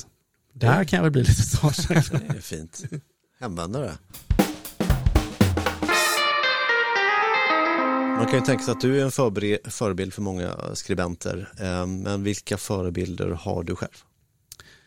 Mats Olsson, när han var som bäst, mm. ska väl tilläggas. Jag tycker inte Mats Olsson är tillnärmelsevis lika bra längre. Men som han var på 90-talet, liksom, när han bytte från musik till sport, där, liksom, då var han ju, alltså, helt, när han blandade, det är väl lite grunden, men det är ju, det är ju öppnaste av dörrar att säga att man är inspirerad av Mats Olsson, liksom. det, det, det är ju löj, nästan löjligt, för det är väl alla på något sätt. Men han skrev ju på det, det var han som förde in det här och blandade musik, mm. sport, eh, kanske politik, kanske vädret, kanske popcornen, kanske vad det än var. Han, han hade sett något på tv. Han skrev om en fotbollsmatch utan att nämna en fotbollsmatch. Liksom. Det, det där är sån konst ja. att kunna göra det. Ja. Så jag älskade hans sätt att skriva där och sen tog ju då Per Bjurman lite över den rollen och, och med musik och sport 50-50. Eh, så jag var ju faktiskt över hos Per Bjurman i New York till och med och eh, jag fick ju ett sånt stipendium att åka över. Stipendie, stipendium, jag vet inte. Och, eh, det är du som är språkpolis. ja, precis. Ingen vågar säga något. det är säkert ja, rätt. Så jag var över hos honom där i New York faktiskt då, 2018 och hängde med honom i hans Vilken roll som New York Corry då. Det var ju jävligt häftigt bara det som komma till New York ja. men också eh, att träffa Per liksom så på det sättet som var en förebild för mig. Ja, och som behandlade dig som luft när du kom till Aftonbladet. Ja det gjorde han ju lite så, men sen har vi sen har han ju allt annat än behandlat, han är ju nästan för snäll mot mig. Han skriver sådär som du sa, han, han, han har skrivit flera gånger att jag är typ en av Sveriges bästa skribenter så här, det är otroligt svårt att ta till mig av liksom det, när, när min idol säger att jag är liksom så duktig. Och han skriver det, han har ju skrivit flera gånger om det, liksom så här, det är ju klart att det är, det är helt sjukt kul Verkligen. att höra det där. Men sådana. Peter Wennman är ju en annan.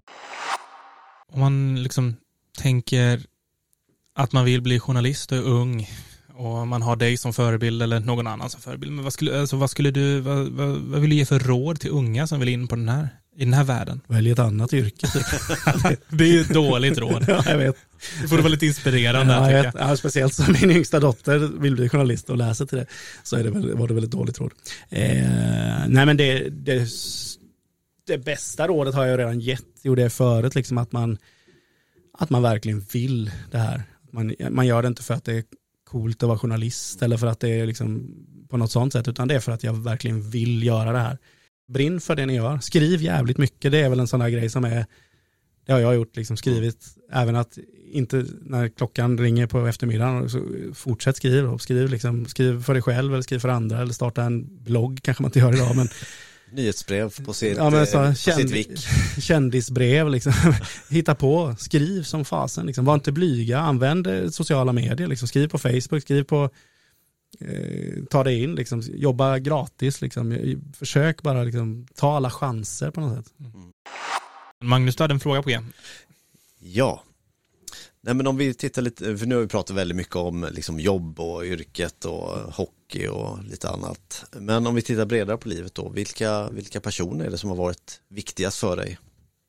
Yrkesmässigt skulle jag säga att eh, Janne Brumby har varit ganska viktig för mig. Liksom, om man ska eh, svara någon som är, eh, han har varit en både vän och kollega och eh, ja, men, vi har kunnat prata och bolla om saker och är Eh, när vi jobbade ihop var vi väl inte så liksom, supernära för då fick vi nog av varandra på dagarna men, men eh, han har varit viktig för mig att kunna bolla saker med honom och fråga saker och genom hela, vi har jobbat ihop hela vägen liksom, från att jag började här och även kände vi varandra innan lite grann och sådär till att ja, vi är goda vänner idag liksom, umgås och sådär men, men eh, han har varit en viktig person skulle jag säga för mig på, på tidningen.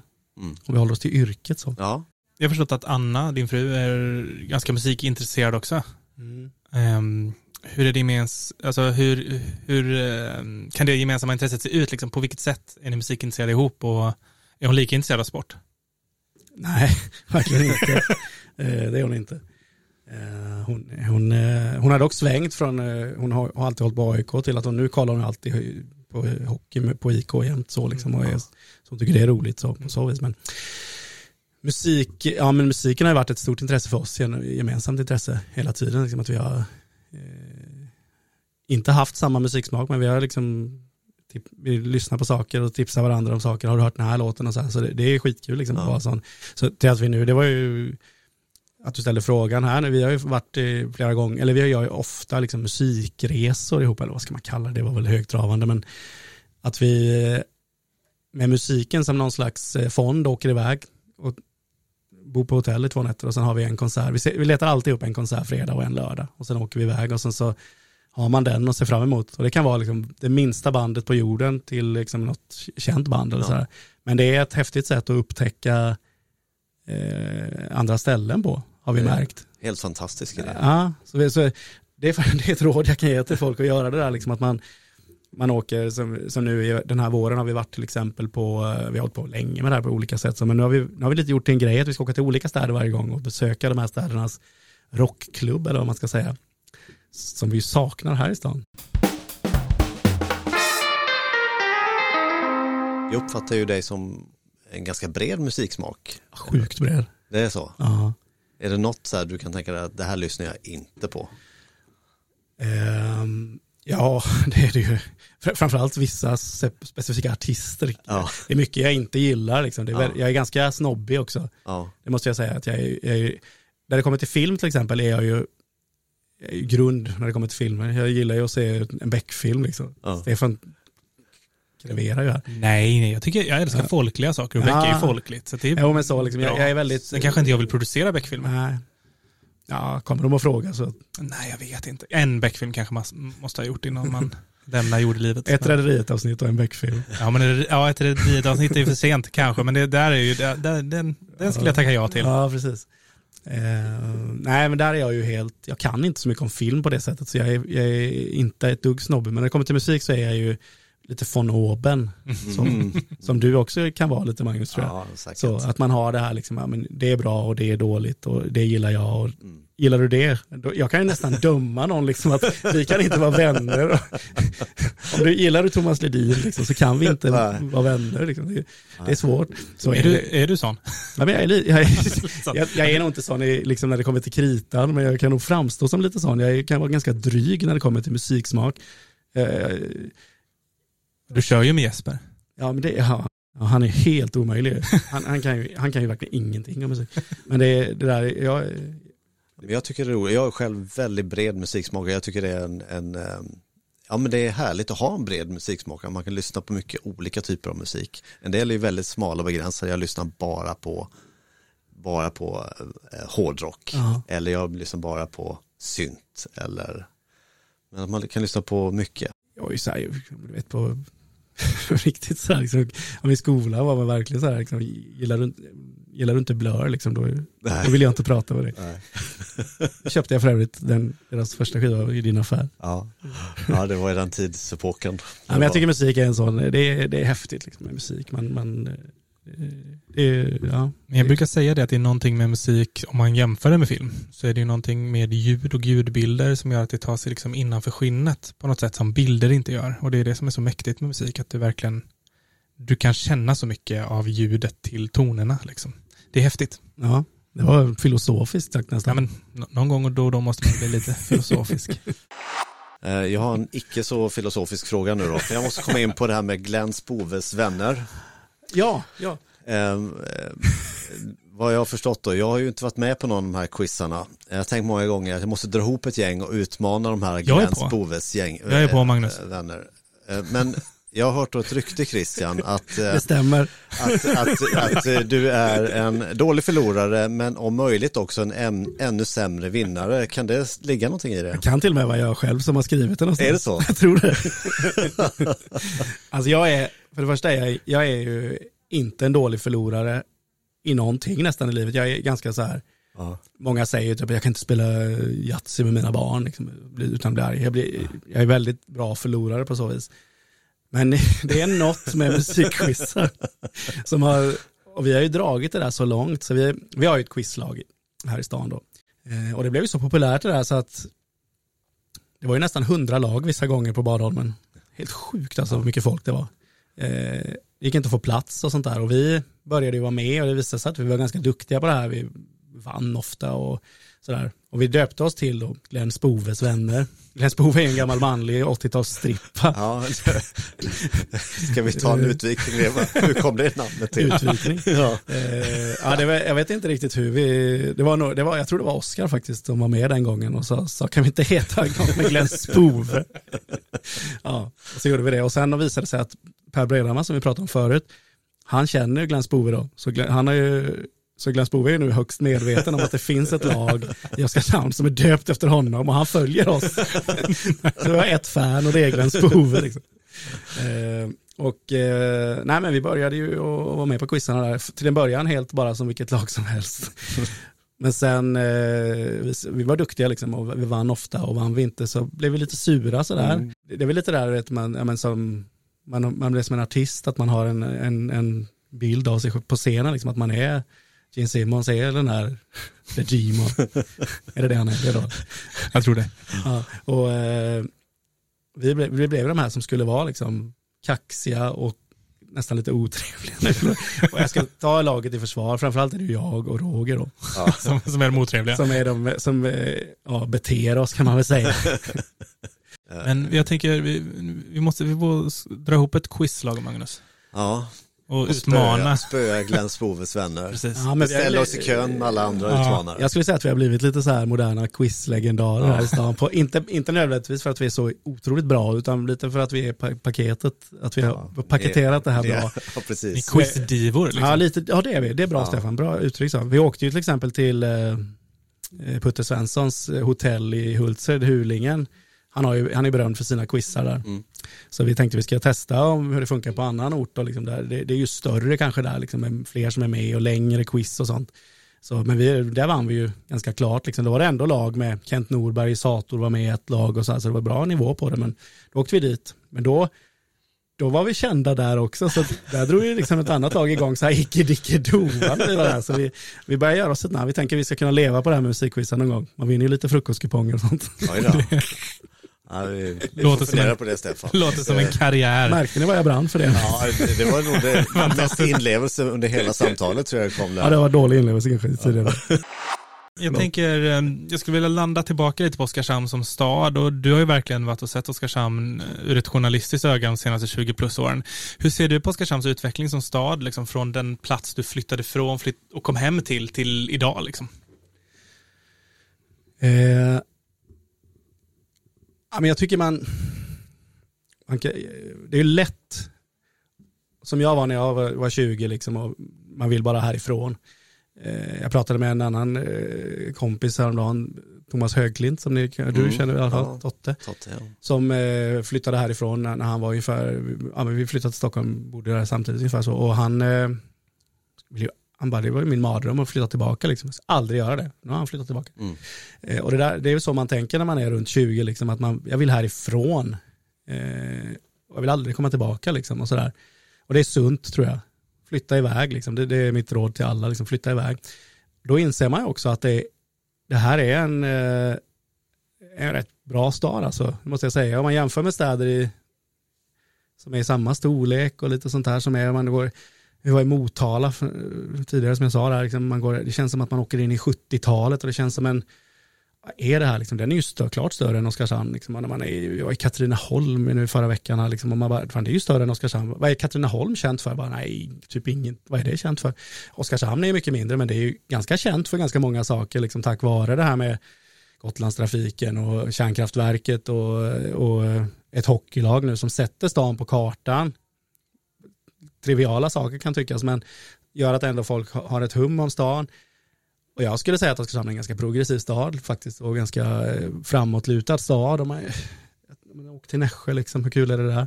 Det är ganska, känns ganska... Vi ber om ursäkt till alla Nässjöbor som eventuellt lyssnar just nu. Nej, jag tycker ofta det så, men nu har man inte järnkoll på allt så, men, men jag tycker det är en sån här, det är en ganska lite bortglömt positiv stad. Man tycker det händer fan ingenting här, men det gör det ju.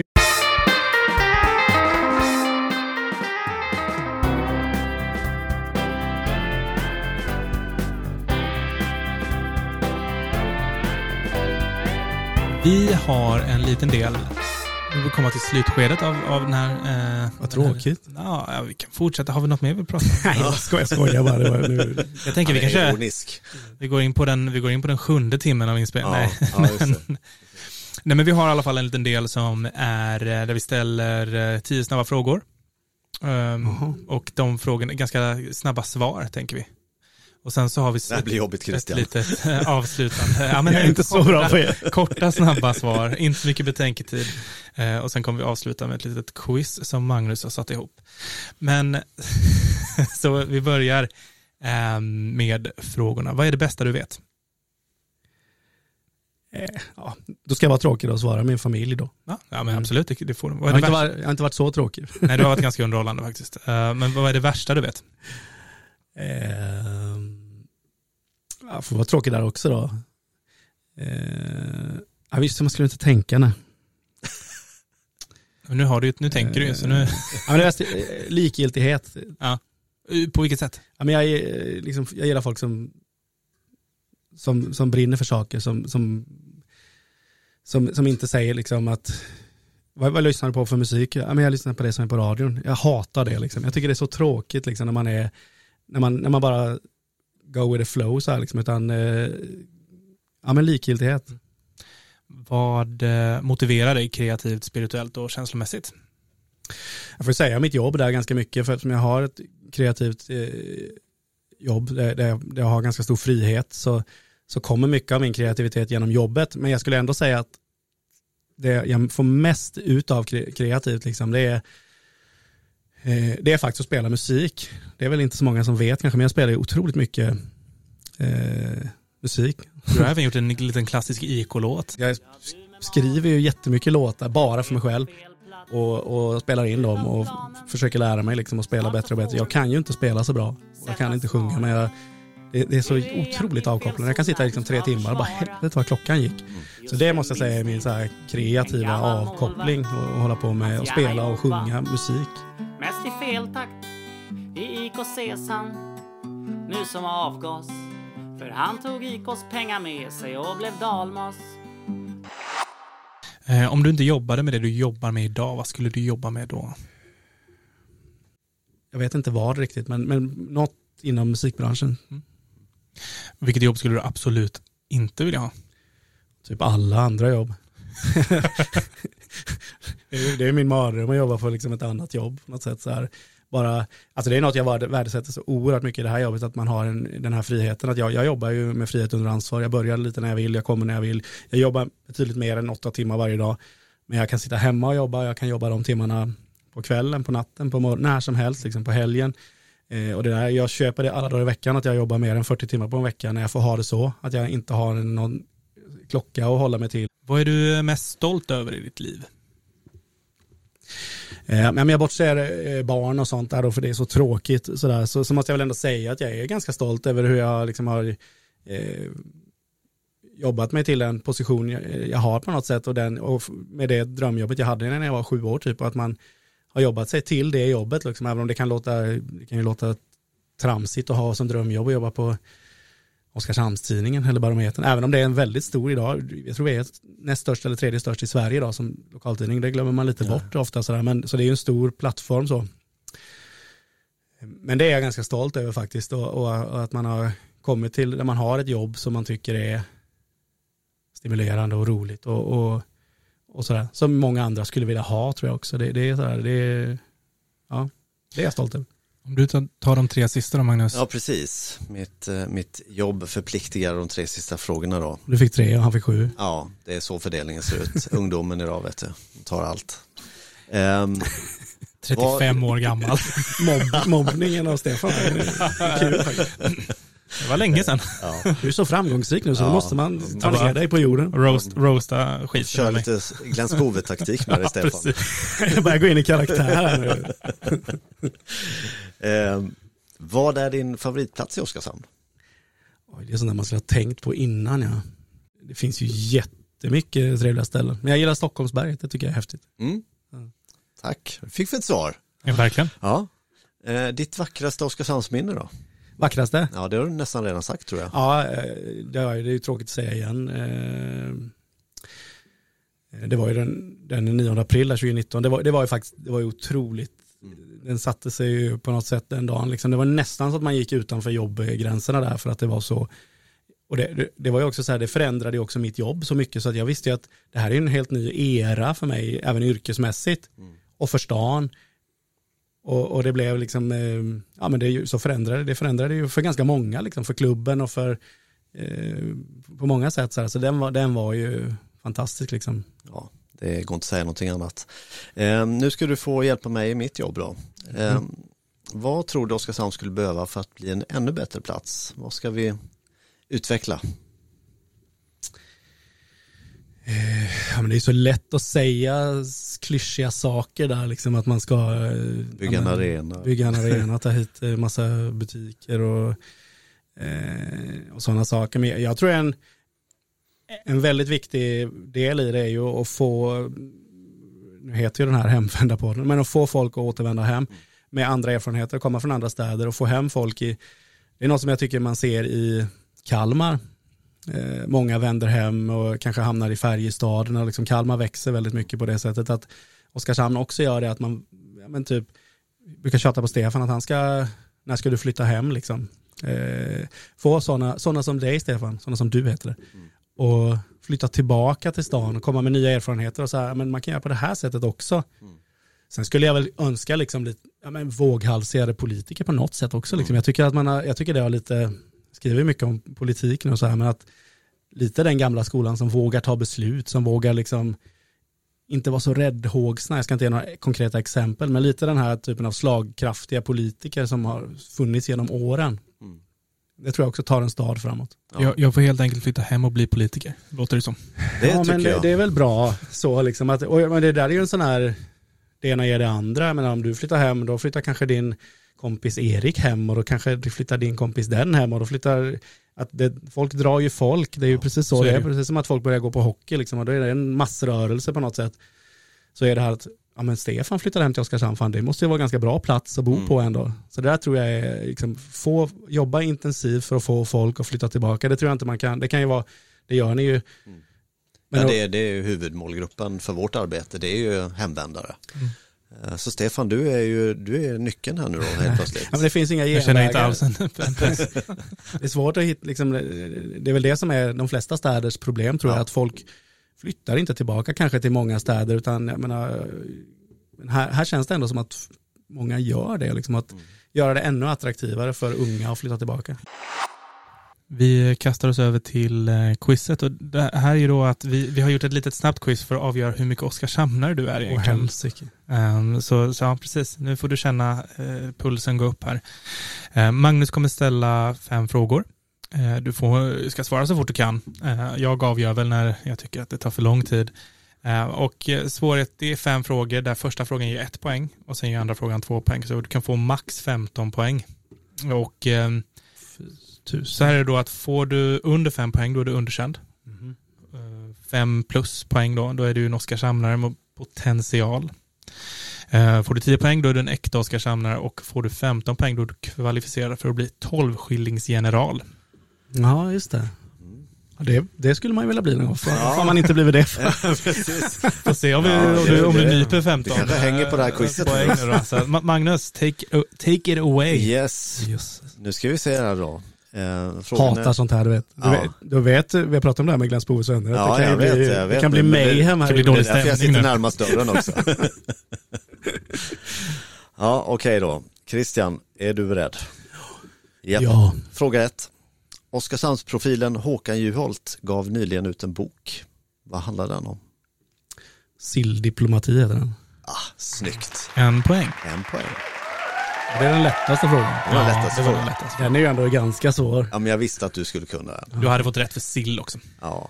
Jaha, fick man, var det så lätt? Ja, det var så lätt. Vad handlar den om? Vad han- Jaha, sill, sill. Har de andra också fått samma frågor eller? Nej, det är det alltid är olika. olika frågor. Okej. Ja, ja. Fråga två då. Vad heter kapellet på folkhögskolan? Eh, oh. Ja, fan, det var ju inte roligt att få den frågan. Ceci- nej, vad fan heter det? Cecilia kapellet? Ja, Ja, men bra, snyggt. ja det var bra. Nu kommer en jätteviktig fråga här Ja, då. vad fan, om det är så svårt på två andra frågor. Fråga tre nu. Den här, den, här är, den här är jätte, den här måste du kunna. Vilka klubbfärger hade det gamla ligalaget Atomics? Klubbfärger? Eh, ja. Du menar i emblemet eller? Eller på Ja, tröjorna? ja, eller? Ja, tröjorna och Två färger. två färger på tröjorna. Eh, ja, men det var ju med rött och, och svart. Var det? Nej, tyvärr. Orange och blått. Men vi du fortsätter det? raskt Ja. vidare. Nej, det kommer jag fan knappt ihåg. Alltså, Men när du har tre poäng. Ja, Ja, då är det ju kört med där med ja, general... Nej, det är det inte. Ja, Ja, ja. generalen är körd. ja, Fuck. Ja, men det, det, jag minns, jag minns, det måste du visa mig hur det såg ut. ja, det där. du- Var det den där med den där atomloggan Ja, ja, där? Var ja. den orange och blå? ja, tröjorna, alltså klubbfärgerna på våra hemmaställ var blått och orange. Ja, det är ju Det är för dåligt. 20 år sedan. Ja, Ja. Nej, jag inte det jag kunde det inte. Okej, vi tar fråga fyra, du får chans till revansch här. Vilken känd film är delvis inspelad i Stensjöby? Emil är inspelad där. Så det borde jag få rätt för. Det var inte den jag tänkte på. Den är det. Men du menar Barnen i Bullerbyn så är Ja. Ja, ja, Men Emil är ju också, det borde du veta, det har ni i er reklam, att Emil och Barnen i Bullerbyn Det är både och kanske. Ja, det är ju nästan få en liten bonuspoäng där då kanske. Ja, men jag tycker han kan få en bonuspoäng för den. Ja. Så han får en fem poängare för den. Ja, precis. Absolut. Ja. Nej men så var det, vissa, Ja. vissa scener är Emil också Ja. Då tar vi den femte Och den frågan. femte, den är meningen ska vara väldigt svår då. För det ska inte vara lätt att kunna bli tolvskillingsgeneral. Är det någon som har blivit det? Nej, Nej. så du har... Du har ju lite chans på nu. Nej, det har Nej, det har du inte. Nej, det har du inte. Den där jävla Atomics. Okej, hur många meter över havet reser sig Blå Jungfrun? Nej det vet jag inte faktiskt. Det var ju... Dra till med en gissning vet jag. Ja, men vad kan det vara?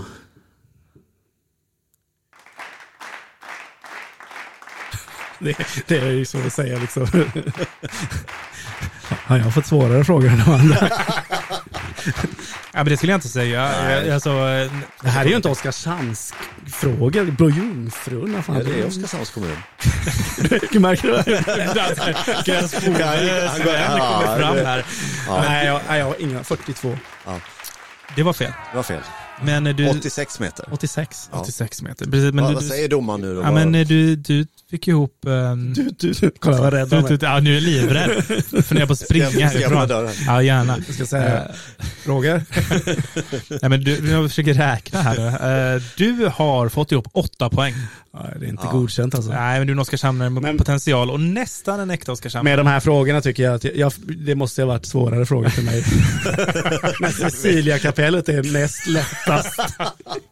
Men jag eh, tänkte som en så här sista fråga egentligen, vad, eh, vad händer nu? What's ahead? Vad, har du några roliga projekt på gång eller vad, vad kan vi förvänta oss att se i framtiden? Ja, ja, men jag, ja. jag vet inte om jag får berätta om det egentligen. Eller får berätta, alltså inte för att det skulle vara så himla sensationellt så, men, eh, men jag håller på med en podcast dokumentär om eh, Hultsfredsfestivalen, vilket är ett projekt jag har velat göra under väldigt lång tid och eh, problemet har ju varit att det tar ganska mycket tid och att man ska hitta tiden till det och som vanligt vill jag ju inte göra det liksom bara sådär ja, göra något. Det är världens lättaste grej att ringa och göra en intervju med två, av, eh, två personer och prata om det. Liksom. Men jag vill ju göra den, intervjua 15-20 personer. Och de personerna jag vill intervjua då. Och, och göra det här på ett eh, om, över, vad heter det? omfattande sätt. Mm. Eh, nu är det i pratande stund inte exakt eh, klart när den släpps eller eh, ens liksom i vilken riktig, men tanken är fem avsnitt då om det här i en, ett väldigt, väldigt ambitiöst projekt. Det låter skithäftigt. Ja. ja, den ser vi väldigt fram, mycket fram emot att Ja. lyssna till. Jag hoppas det. Eh, slutfråga då. Eh, har du något tips på en gäst till mig och Stefan? På en gäst, eh, ja det är ganska många jag är nyfiken på. Dels skulle jag vilja höra er i den här, liksom, eh, så, på så vis. Det skulle vara, det skulle vara intressant. Vi får ta varandra varsitt avsnitt. Ja. Ja, men om jag ska ta liksom folk jag känner så här, så, så Martin Åkerberg är ju en bra gäst så. Nu är han inte så uttjatad längre som han Nej. var tidigare. Eh, och han kanske är intressantare nu efter att han har lämnat eh, hockeyn också.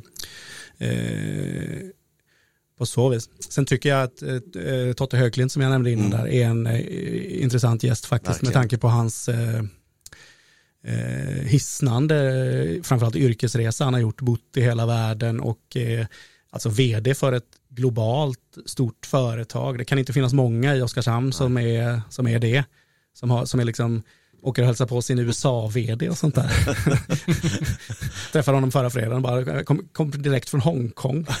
Gick och kollade på ett lokalband där nere på Nox. Liksom så här. Lever ett eh, väldigt häftigt liv. Eh, jag tror han ska, ja jag säger honom då. Ja, Ja, ja, men tack för de två tips. tipsen. Ja. Alltså de lägger vi till på listan. absolut. Tack Christian för den här, eh, för den här pratstunden. Det var Ja. otroligt spännande att få höra om din resa. Och, Vad tråkigt att det är slut redan. Har du haft roligt? Ja, skitkul faktiskt. Det var jätte, jätteroligt. Jag hade gärna suttit ett tag till. vi, kan, vi, vi kan köra igen nästa vecka. Ja, nej. nej, men det var jätteroligt.